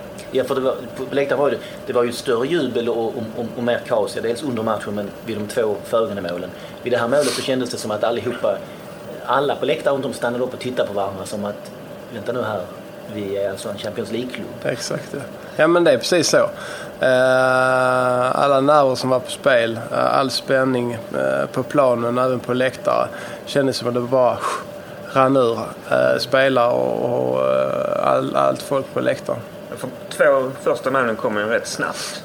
Hur är känslan sen? Liksom? Vi pratade om det innan. Vi har lite olika minnesbilder av hur mycket de egentligen trycker på. Min, min minnesbild är att de trycker på rätt så rejält där i andra halvlek. Inte så många feta chanser kanske. Nej. Men mycket så att bollen studsar runt vårt straffområde och sådär. Jag är mer av då den skolan som säger att det, ja. det händer inte speciellt mycket. Nej, men det är också min känsla egentligen. Sen är det ju jäkligt lätt att blanda ihop dem. För det var ju två matcher där vi får en riktigt bra start hemma. Uh, andra året är ju 3-0 i halvlek liksom. Så det är lätt att blanda ihop dem här. Men det, det kändes ändå som att var um, att vi hade läget under kontroll. Mm. Sen så eh, har man ju alltid en skönare bild av det efteråt. Och det blir säkert bara bättre och bättre med åren. Så att, eh, till slut har de inte haft knappt rört bollen. Men det, det, det, det, är en känsla att vi hade läget under kontroll. Speciellt för vi gick ju ner på en fembackslinje. Precis, vi vill gärna prata om taktiken här. Mm. Och den, den, ganska tidigt på läktaren så såg man, vänta nu här, spelar Halst i mittback och så och så komprimerat där i mitten ja. Det var ju, det var ju lite typiskt. Eh, det är en sån match man kan peka på efter karriären där eh, ett taktik eh, och en förändring i matchplanen har betytt något så otroligt mycket. Det var Åge. Eh, det var ingen annan som hade tänkt på att vi skulle förändra eh, formationen liksom. Men han hade sin idé och han förmedlade den och ehm, han var otroligt bra på att uttrycka sig och få med sig eh, grabbarna och, och tro på det. Annars är det lätt att bara nämna det och försöka visa det. Men han, han, ehm, han, gjorde det, han var grym där på att uttrycka sig och eh, kanske inte visa så mycket på planen utan mer på bilder och på sitt sätt. Och verkligen, han var övertygad att det skulle funka och det smittade av sig till oss. Sen när vi väl ställer upp med en fembackslinje och inser att det här stoppar mycket av det vi hade problem med nere i Salzburg. Då får du ännu mer energi. Eh, den energin, eh, eh, vad du än har pratat inför en match, vilken match den är, om du, om du pratar om ett sätt att sätta motståndarna i en fälla eller utnyttja deras svagheter. När det funkar, då får man ju extra energi av det. Och detta var en sån typ av match. Och det märktes på hela laget? Ja, det, det var väl fullt med energi ändå. Ja. Men det kändes ju som att eh, vi, vi klämde dem eh, rejält där jämfört med första matchen. För de var ju otroligt offensiva. De, eh, de gick ju med allt. Eh, och det kunde vi utnyttja eh, flera gånger. Det, straffen där vi får det är ju Um, en hyfsat bra omställning. Uh, där Mange till slut kommer till höger liksom. Så det, det var allt sånt hade vi pratat och, och sett innan. Så att, um, när taktiken gick igenom. Hur, hur får man då se den här matchen och, och dels hur upphausad den var innan och sen hur svår den var det hade varit där nere. För det var ju, de kändes som ett väldigt bra lag mm. nere i, i Salzburg, ja, även här då. Men, och, och, så får vi den här starten. Hur, hur, kommer du ihåg känslorna kring uh, när det blir straff och du ska gå fram och ta den? Um, ja, alltså man, man, ja, hade jag tänkt för mycket så hade jag nog blivit alldeles för nervös. Men det, det, var känslan av att vi har allt att vinna och ingenting att förlora. infann sig ändå. Mm. Eftersom eh, matchen såg ut som den gjorde nere i Salzburg. Vi var ju faktiskt eh, ganska utspelade och fick ett gratismål i, i slutet. Så att, nej, det, det kändes inte som att uh, vi hade någonting att förlora då. Då uh, hade man fullt fokus på att bollen skulle in i mål och att vi bara skulle fortsätta ösa på. Apropå matchen där nere så är det ju ändå trots allt så att eh, Malmö har en del feta chanser. Mm. Eh, och min upplevelse är att det trots allt aldrig blir riktigt stirrigt liksom. Utan det finns ändå ett lugn i spelet även där nere. Trots att de är tokpressar, de är väldigt offensiva, de skapar mycket chanser.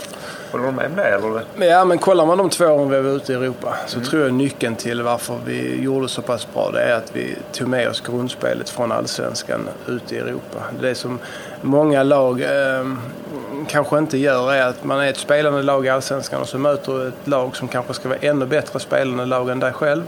Och så går du ifrån ditt spelmönster, din, din eh, det du verkligen tror på när du kommer ut och så spelar du en helt annan typ av fotboll och så blir det bara pannkaka av det. Vi eh, ville spela den fotbollen vi trodde på. Eh, kanske inte gå lika högt i press, eh, förändra saker eftersom du, du måste ha respekt för motståndarna. Men fortfarande lägga grunden i det vi har gjort i Allsvenskan. Det minns jag även när vi var i Champions League-slutspelet sen. Juventus borta första matchen. Det var ju många, många perioder där vi eh, rullade ut dem. Eh, kanske inte jättehögt upp på banan men vi hade lugnet och det, även i, i kvalmatcherna så, så eh, hade man en god känsla av att vi, vi är ett bra lag med boll.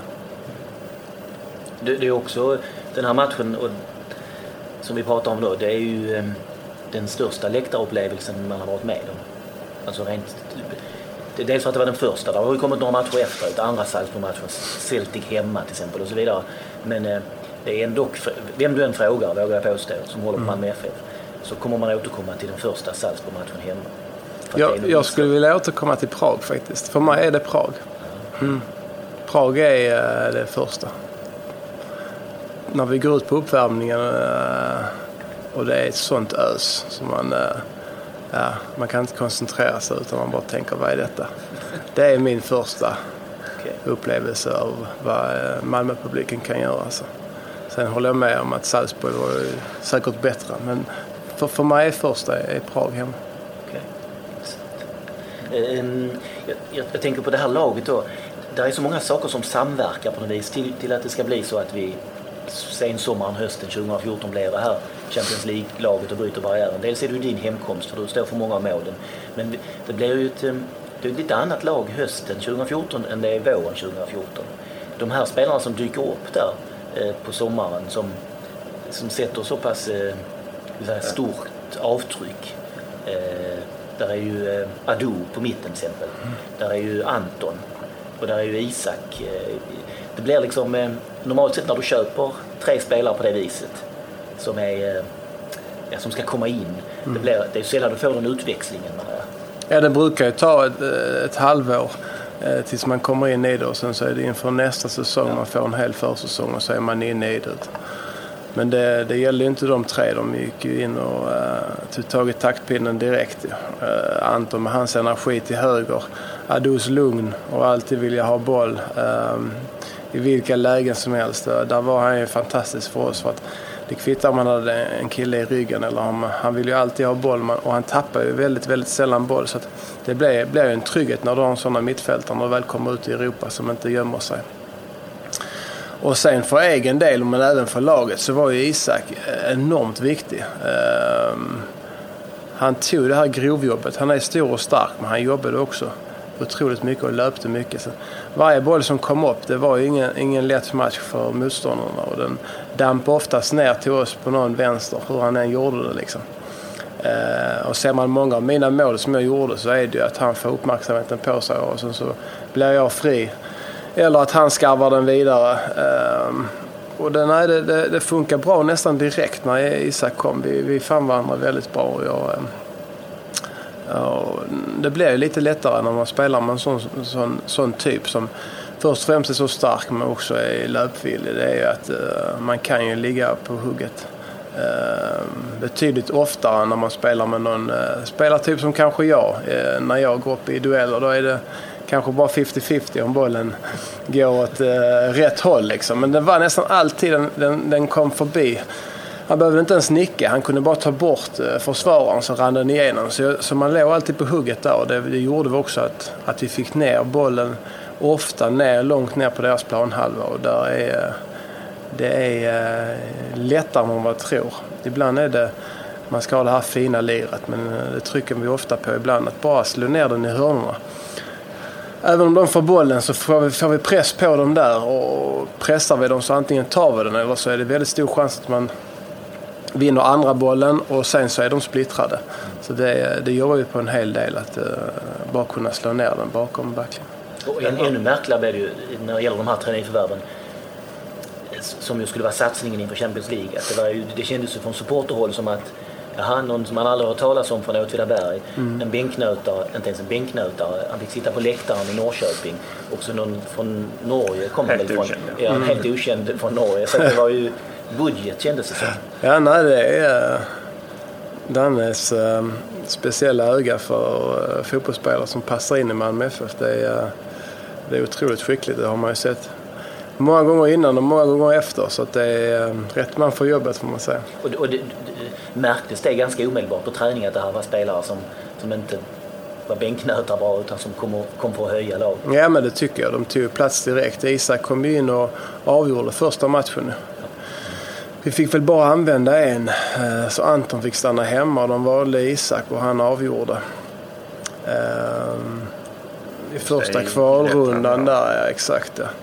Så att eh, nej, de fick alla en bra start och det, det kändes ju positivt direkt. Vi var ett, ett lag med ett jäkla gav mycket vinnarskallar så att de eh, Anton och Isak skilde sig i alla fall inte från, från mängden. Du var lite lugnare så här. Ehm, men de andra två var riktiga jäkla vinnarskallar. Så vi hade rätt många av den typen det året. Jag tänkte också fråga det här med liksom din, din roll utanför det rent spelmässiga. Du har spelat en massa i landslaget och Champions League med Werder Bremen och så här. Att liksom, är det något som kom till konkret användning och nytta eh, gentemot kanske en hord av mer ja, Nej, jag vet inte. Alltså, eh, man kan väl känna efter själv hur man har upplevt det första mästerskapet med landslaget. Mm. Att nervositeten kanske tog över lite. Att man inte hade fokus på, på just fotbollen. Att man la lite energi på allting runt omkring.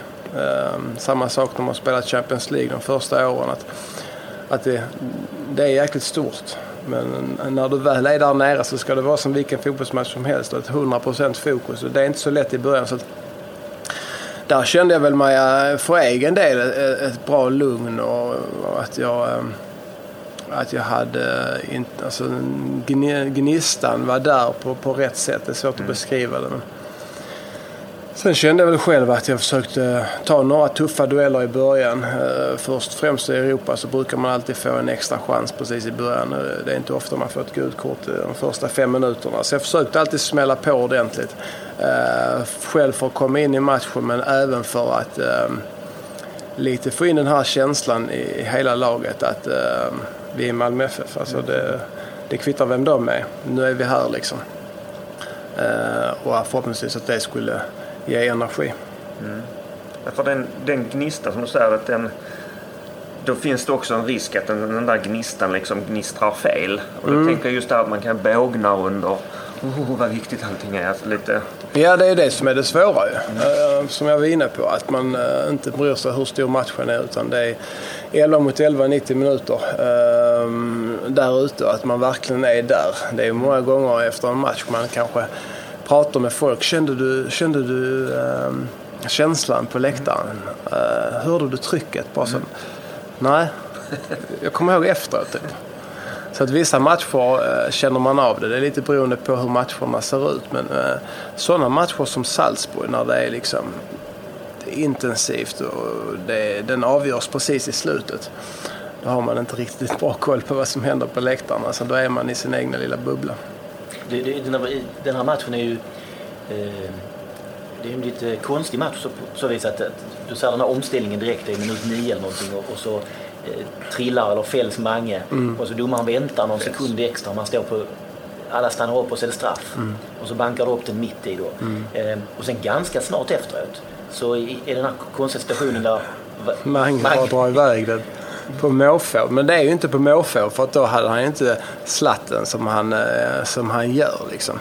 Så att det är, eh, det är ett bra öga att kunna se. Han måste ha sett det för annars finns det ingen logik i, i den bollen. Eh, alltså, så att det är, och där hinner man tänka på läktaren. Nej, vad gör jag? Ja, men det hinner ju nästan jag också tänka om jag ska vara helt ärlig. Jag kommer inte riktigt ihåg, men det känns ju inte som att det är ett ett eh, skott, eller vad man nu ska kalla det ens, eh, som ska gå in i mål.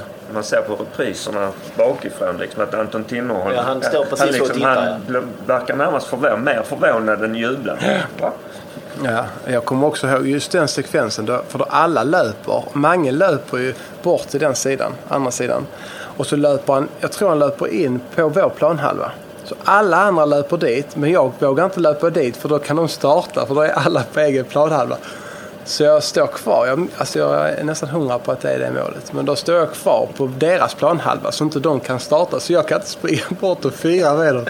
Jag tänker, hallå du springer in på egen planhalva. De kan, ni kan starta, de kan starta liksom. Så du hann tänka taktiskt här? Så där tänkte jag taktiskt, tänkte jag. Hur är du? Ja. Och du, du måste ha pratat med, med Mange efteråt. Hävdar han att det här var... Ja, men det är, det är ju Mange det. Så att han skulle ju aldrig erkänna någonting annat. Men det är... Nej, det var en speciell dag. Det var ju den morgonen när han klippte mig också.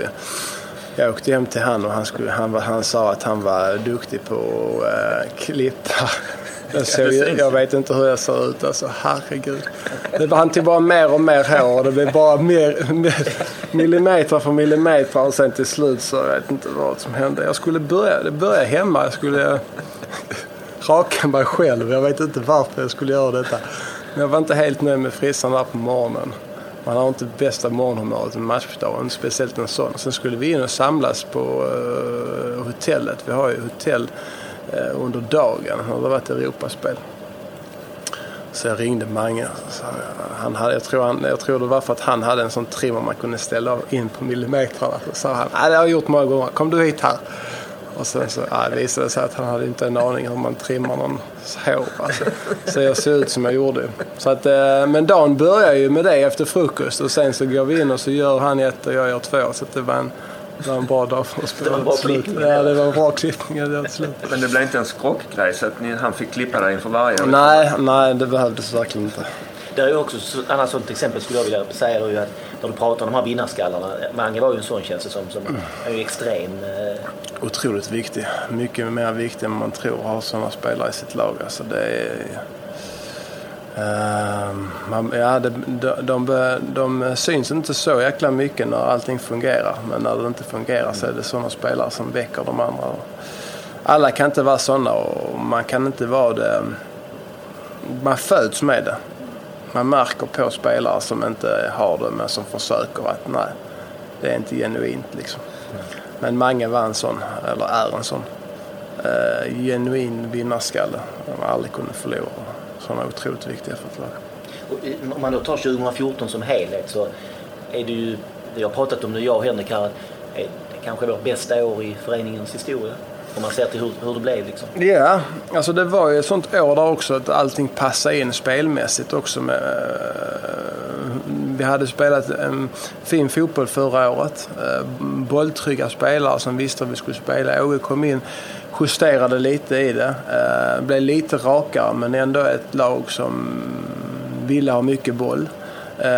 Spelare som hade utvecklats i flera år och som var vana vid den här typen av, eh, fotboll och även eh, det malmöitiska trycket som finns eh, kunde hantera det. Så att jag kände ju att jag, när jag kom hem att jag kom hem till ett lag som nästan var klart. Liksom. Det, alla visste, ville, visste sina roller och vi hade otroligt många vinnarskallar. Det var många gånger det rök ihop på träningarna. Men det, så ska det egentligen vara när det är ett riktigt vinnarlag. Så att, eh, nej, det, var, eh, det var ett bra år. Jag tror det var borta nio år. var ute nio år. Var det då bättre än du trodde när du kom hem? Liksom, att det, Ehm, både ja och nej. Alltså jag visste ju att jag hade bra fotboll i mig. Sen hade jag inte spelat på ett och ett halvt år. Så jag var ju ganska risig när jag kom till eh, USA där. Eh, så det lägret var väl inte någon eh, höjdare. Och sen så tog det några matcher i kuppen och jag tror de mötte Helsingborg på Malmö stadion. Jag är inte säker. Det var en träningsmatch där eller några cupmatcher. Men det var i alla fall, det tog lite tag innan man kom in i det. Men sen så kände man väl direkt att man att man hade mycket att bidra med. Så att, eh, att jag hade det i mig eh, var jag ganska säker på. Eh, sen att eh, det skulle gå så snabbt att komma i form efter så lång tid om man inte hade man varit utanför fotbollen. Eh, Men sen så det tog säkert längre tid än man tror. Eh, nu när man kollar tillbaka till det så känns det som några veckor. Det, det kanske tog några omgångar in i Allsvenskan också innan man var riktigt inne i det. Hur, hur, eh, hur skulle du säga, från när du var för förra gången, ja, du är uppväxt i föreningen, men mm. nu när du kommer tillbaks. Malmö FF har genomgått en stor förändring misstänker jag under de här åren du är borta. Ja, men det är som natt och dag. Det är som du jämför gamla stadion, Swedbank stadion, i allt faktiskt. Så att det, nej, det går inte att jämföra. Det var um, allt från eh, kvaliteten på spelarna, allting runt omkring. Vi har utvecklats mycket under de här åren också på de här små detaljerna. Men det är, det är ofta de små detaljerna som avgör i fotboll. Ehm, allt från ehm, hur man återhämtar sig efter matcher till fysio, till ehm, gymmet här nere. Alla faciliteter, hur vi reser, käkar. Framförallt allt som sker på planen har också förändrats. När jag lämnade så var det ju eh, inte någon fin fotboll även om vi vann. Eller Malmö FF vann. Jag, jag tog silver. Eh, men det är ändå vi på någon vänster där. Men eh, då, eh, då var det ju inte någon finfotboll utan det var ju rätt mycket långt. Och vi hade någon, Malmö hade både EJ och Niklas Skog som gjorde otroligt mycket mål. Men det var inte den spelande fotbollen som finns nu. Så även där har ju hela föreningen. Går man ner och tittar på P9 så spelar de i smålaget. Det kanske inte var samma sätt på den tiden.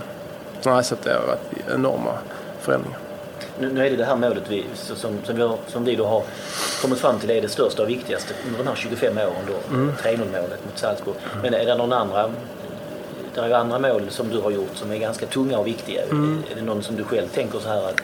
Alltså mina egna? Ja. Uh, ja, Prag hemma båda två är väl ganska viktiga också. Uh, sen är det, ja, det är egentligen varit Champions League-målen. Mm. Man kan ju ta ut några allsvenska mål men det är ändå en serie. Hade jag inte gjort det mot AIK så hade vi avgjort den omgången efter. Liksom. Så att jag tycker ändå inte att de allsvenska målen är på samma sätt för det, det är så mycket fler matcher, det är så mycket andra saker som spelar in. Mm. Prag, de två målen, hade vi inte vunnit där hade vi varit ute. Uh, Salzburg matcherna, samma sak. Liksom. Man, man, man, var lite förvånad när du kom hem att du eh, förvånade mig lite grann att du, kunde, att, du kunde, att du kunde så många olika saker. Som frisparken där till exempel mot Prag. Mm. Jag hade inte sett dig som en frisparksskytt. Nej, inte jag heller. Nej, men det är, man har väl varit i föreningar också där man har haft frisparksskyttar som varit extremt bra också. Så att jag var i, började med Amsterdam, där hade Schneider. Då gick man ju inte framåt till bollen från han. Och sen hade vi ju Eh, Eh, Diego och Özil sen i Bremen. Så att alltså, slog lite frisparkar i eh, Santander. Men då hade vi Kennedy. Han var också rätt bra på frisparkar. Så att, eh, och sen i England spelar jag ju inte. Så att, det har inte blivit... Man har inte haft den känslan att okej, okay, nu är det jag som ska slå. De, de före en har redan hela tiden gjort så fina frisparkar så man har inte kunnat blanda sig. Så att, det har inte blivit så mycket frisparksmål genom åren. Sen ser man inte själv som en frisparksspecialist heller. Jag slår inte som även tre, fyra om året. Det är när man har den riktiga känslan. Så att, eh, det var en lyckodag den här mot eh, Prag. Men, där var det bestämt, för där står Ricardinho också redo med vänster. Ja, det var ju Johnny Fedel som hade någon idé. Uh, han hade studerat deras målvakt, att han var väldigt snabb på att gå bakom muren. Så att vi tränade på den, eller han och jag tränade på det lite dagen innan. Att, försöka visa att man ska slå den över muren och sen så vricka till den precis i slutet och, slå den hårt i, målvaktens hörn. Och så skickade jag fram med Ricardinho också med att han skulle stå där med. Alltid bra att ha en vänsterfot och en högerfot och vet aldrig riktigt målvakten. Så det blev precis som Johnny hade tänkt sig att han skulle eh, chansa lite och så direkt när man väl står på fel ben så är det kört och så träffar man det så som jag träffade så, så blir det inte så lätt. Där Kanske blir... inte Johnny Federer har fått tillräcklig ära för de här... Nej, han ska, han ska ha ära Johnny. Mm. Där, där, där blir du väldigt glad men där blir ju Ricardinho orimligt glad. När man tittar på bilderna efteråt så springer han iväg som att han inte kan kontrollera. ja, det är många. Folk kommer överallt ifrån. Det är... Ja, det var glädje. Det är klart att det är... Det var jobbigt att det var så långt kvar där, minns jag. Ja, exakt. Fem minuter ja, de har ju någon där på mållinjen. Om det är ribban eller vi redan på mållinjen. Det är Nick som de på en hörna som tar inåt. In... Ja, ja, exakt. Ja, gör det. Då är 1-0, ja. Mm. ja. Men då är det ju över mer eller mindre. För att vi är tvungna att vinna med, med 2-0. Exakt, ja. Mm. Eh, det, det, det, känns som att du passade väldigt bra ihop med Åge. Ingenting för att ta ifrån Kuhn eller Magnus eller någon annan tränare men det kändes som att du och Åge omedelbart verkligen blev ett bra lag. Ja, bra, bra team. Nej men eh, eh personkemi. Eh, så att det var väl inte, han lämnade mycket ansvar också till mig. Eh, han var ju mer en manager som man säger i England. Här. De, när man väl var i England så kunde, behövde inte tränaren vara ute på träningarna heller. Han kunde ju bara låta assisterande köra ett par dagar så satt han inne på kontoret och kollade ner liksom. Åge var ju alltid ute men han var ju inte den här, eh, om man ska ta fram hans eh, spetskvaliteter så var det nog inte träningar. Det tyckte inte han var så kul utan han, han laddade när det väl var match och kunde trycka på de exakta sakerna. Han Var otroligt bra på eh, bytena, förändringar under matcher.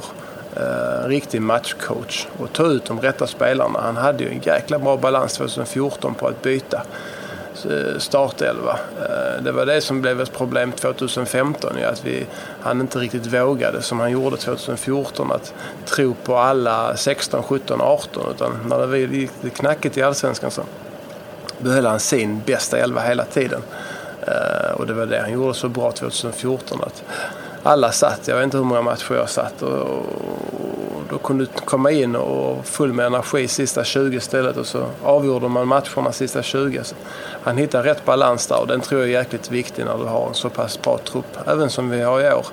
Nu blir det svårt när det är allsvenskan och, och ett par matcher kvar men när man väl har ett år där det är både cup, allsvenskan och Europa så, så blir det nästan en central grej för en tränare att kunna hitta det bästa laget för dagen. Inte den bästa elvan kanske för året utan just imorgon när vi möter dem. Vem är bäst då? Liksom. Och, och, när man kommer till Åge där så var det en sak till som var väldigt tydlig och det var ju det psykologiska. Mm. Han gjorde ju varenda tränare som kom hit under Europaspelet vansinniga eller, eller, eller förvirrade. Ja men det var en taktik tror jag från honom. Men även eh, det han sa i omklädningsrummet var likadant psykologiskt för oss. Alltså, vi trodde ju att vi skulle slå Juventus borta när vi gick ut på planen. Första Champions League-matchen någonsin. Liksom.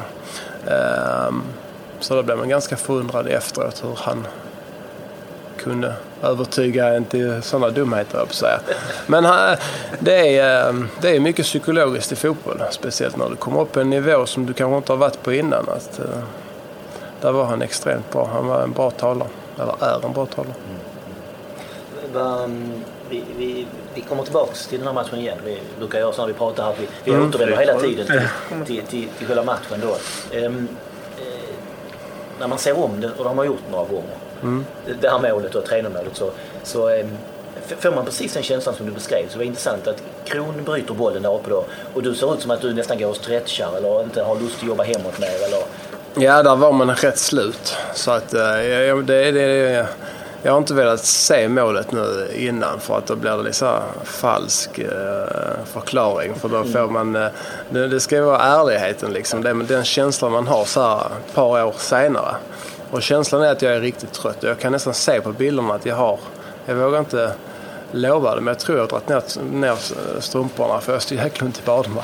Så det är nog det att jag halkar efter liksom. Jag tror nästan jag är bakom deras backlinje. Ja, så ja, jag, jag lunkar där. Så det är nog därför jag, jag kanske inte var snabbare än Kron som jag sa innan. Jag var nog bara långt före. Ja, men, men, men, men sen är det som att du det, det verkar på tv-bilderna som att det här noterade man ju såklart inte när man står på läktaren och ser målet. För att mm. de är ju helt uppstirrad. Men du, du verkar noga där med att passa offside-linjen. Ja, det, det, det, det vet liksom jag att jag gör. Ja. Lite grann och, ser, så att när och det är nog kommer. också mycket för att jag låg och fuskade där.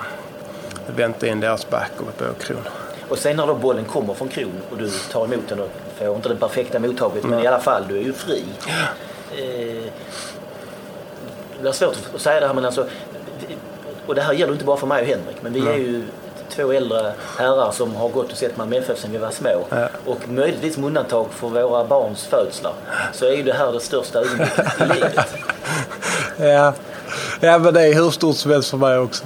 Nej, ja, det, är väl klart det. det. Ja, ja, ja, nej, men det, är väl klart. Ja, nej, men alltså... Ähm... Det är detta målet. För att vi, vi, vi har varit ut 25 mål och jag har kollat mm. lite grann bland, runt om bland MFF-spelarna. Mm. Det finns liksom inget snack om vilket mål som ska vara etta på en sån här lista på de senaste 25 åren. Det är jag, detta målet. Jag skulle också vilja lägga till den här extra lilla, som jag ser den malmöitiska dimensionen. Det är när, att när du till sist rullar in bollen så är det nästan att du tittar bort. Och så en liten vinkling så med vänsterfoten. Det, är, det, är, liksom- inte ofta det är- jag har kört en vänsteryttersida i mål. Alltså, det händer nog, kommer nog aldrig hända igen. Men det var nog den tröttheten. Bara, äh, in med det. Men, men du, du kan ta in det här, det, här, det, här mål, det är detta målet, det är det ögonblicket för så mycket folk i den här staden. Ja, men äh, det är ju svårt att säga så om sig själv och ett mål som man själv har gjort. Men alltså, jag, kan, äh, jag kan köpa det för att det, det betyder... Det var ett annorlunda mål. Det är, äh, det är ett mål som sätter sig lite mer än vissa andra såklart. Och sen så just betydelsen av det. Att vi, äh, vi har gjort det liksom. Det är ingen trodde på. För jag minns att jag står ungefär halvvägs in i andra halvlek. Då står jag och tänker, oh era jävlar, ni fick mig att tro att det här skulle vara möjligt. Eh, Så jag vågade inte börja tro faktiskt förrän det 3-0-målet kom. Men Ja, men det var en känsla vi pratade om efteråt. Att äh, fan, vi trodde på det hela vägen. Alltså. Det är... äh, Det är viktigt. Viktigare än man tror. Liksom, att allihopa ser samma mål. Vad som än sker. Får vi ett baklängesmål eller någon felpass. Alltså just det här hela tiden vara på. Det ser man ofta i de matcherna vi har gjort dåligt. eh, När man tittar tillbaka på det så tappar man en boll och så tar den här sekunden och så reagerar man och så hinner man inte dit. De här matcherna, då fanns inte de sekunderna som väntan utan det är bara tappa boll, vann tillbaka den. Felpassning, ja, ingen brydde sig. Det var bara ta tillbaka den, ta tillbaka den. Ehm, så, de är otroligt ehm, disciplinerade. Hur, hur eh, direkt efteråt, säg dagen efter, veckorna efteråt, men även om, om du tänker fram till nu. Det måste ju hända att folk pratar om det här. Det här inte bara det här målet, men den matchen liksom, påminner dig. Ja, alltså ja, nu kanske vi inte pratar om det så ofta. Så här, nu är det mer sociala medier som den kommer fram ibland. Och så här, så att det är, eh, men det är klart, eh, hela det året när vi gick till Champions League så blev man påmind rätt ofta av det. Så det, är- det är alltid kul att bli påmind av positiva saker. Och när man, när man tittar på det efteråt, som man ju har gjort några gånger, så är det, kommentatorerna verkar knappt eh, ta, kan liksom inte ta in att det blir mål för, att, för att du väntar så länge. Det är ju inte så länge, men det känns ju så länge. Glenn Strömberg skriker när du har fått bollen och du har dragit den första och ska peta in den, men du drar ju en till. Då skriker han ju sitt vanliga "Åh!" Men, men, men de, de kan liksom inte... När du väl petar in den så är det som att de inte riktigt... Eh, som att chansen är över nästan. Ja, jag vet inte. Fråga dem vad de kände. Men det, det, det, här... Det utspelar sig liksom en, nästan en berättelse i, i de här två, tre sekunderna men när du väntar med bollen. Att, att eh, hela publiken liksom, man stannar upp. Vi, vi, man är precis bakom målet själv och, och liksom kan inte fatta varför du inte gör mål. Tidigare. Ja, Exakt. Du har flera chanser.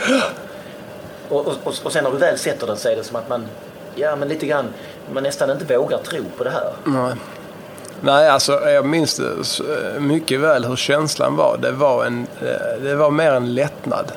Glädjen kom flera dagar senare. Det är klart det var glädje, men inte den riktiga. Utan det var, jag kommer ihåg vi stack upp till, på Lilla Torg och ut bland fansen och, och um, firade med dem. Jag kommer ihåg jag hade knappt någon energi alltså. Var helt slut var jag. Att just det här, man satt och, det blev för stort för att ta in den kvällen. Liksom.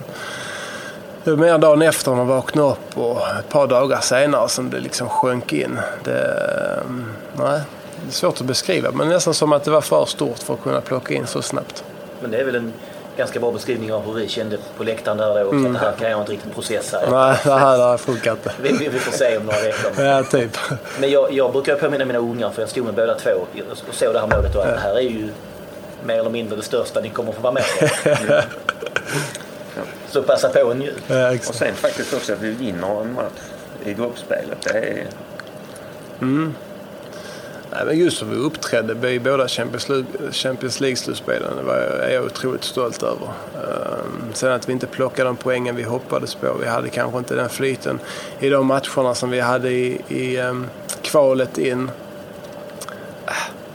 Vi var där. Vi visade, satte Malmö FF på riktiga fotbollskartan ordentligt. Och speciellt det sättet vi gjorde det. Vi gick inte dit och, och spelade någon ehm, defensiv fotboll och, på någonting som vi inte vi trodde på. Utan vi började med Juventus borta där vi verkligen har jättechans med Mange till 1-0 och vi har bollpossession som i alla fall 50-50 de flesta av matcherna. Atletico Madrid skulle jag nästan säga att det kändes som vi spelade ut dem men det, vi, vi var i alla fall riktigt bra med i matchen här hemma. Det var så många matcher som, eh, som man är så otroligt stolt över. Sen såklart det blir en plump då och då. Uh, Atletico Madrid borta, Real Madrid borta. Uh, så är det. Eh, det hade säkert inte blivit eh, så mycket mål om vi hade tänkt defensivt. Men ehm, jag är otroligt stolt över att vi gick in i det gruppspelet och trodde på det och tog med vårt egna spel. Ehm, sen är det klart att förändra det beroende på motstånd. Och Paris borta liksom. Det är klart att du inte spelar som du gör kanske mot ett lag i allsvenskan hemma. Men det var ändå den här tron på det när vi väl hade boll. Och jag vet att vi hade eh, mentala tränaren, Frykholm, vad heter han? Fryk, mm, Svarka. Svarka ja. mm. eh, på någon föreläsning gång och då berättade han att eh, Åge hade sagt till honom att just att Atletico Madrid hemma tyckte, tyckte Åge själv att det var den bästa matchen han hade genomfört mer eller mindre. Mm. Det, det, var bara att vi inte vann den. Men det här var ju ett lag som var, var det, sex sekunder från att vinna Champions League någon, någon månad tidigare. Ja exakt. Och vi, vi var värda att vinna egentligen. Och sen, men sen, ja, de typerna av matcherna är egentligen Real Madrid hemma också. Alltså de, det var inte så att de körde över oss utan de, eh, de behöver en chans. Det är ett litet dåligt inlägg och sen så en tå och så var det mål. Det är det som gör att de är så pass bra som de är. Att både Atletico Madrid-matchen och Real Madrid-matchen hemma var ju bara så. Ett litet bolltapp och sen så var det 1-0. Och sen så tryckte vi på, tryckte på, den gick i stolpe och den, eh, den ville inte in. Och sen så en nästan kontring till och sen ett halvdant inlägg och sen så 2-0 liksom. Det var... Eh, Eh, det är lättare att ta förlusterna liksom, när du är där. Sen, man gillar aldrig att förlora. Men när man väl var där så, så, så um, hellre att jag, jag förlorar på det sättet som vi gjorde. Liksom. Va, va, um, ska vi avsluta då med det här 3-0 målet då som vi pratar om här som mm. vi har lyft fram som det allra bästa under de här 25 åren. Är det ditt favorit, är det, är det ditt viktigaste mål i karriären? Ja, det bör det ju vara eftersom vi gick dit. Eh, det är ju, det, ja. Måste man plocka ett så är det nog det. Eh, det tror jag i alla fall. Det är, ja, det är svårt att välja på dem alltså. Med de två i Prag och sen så Salzburg. Men du sågar inte något val i alla fall? Nej, jag sågar inte det. Absolut inte. Så att med, eh, om man tar in allting i perspektiv, just att det, det, det tar slut på matchen och att vi är i Champions League så köper jag det helt klart.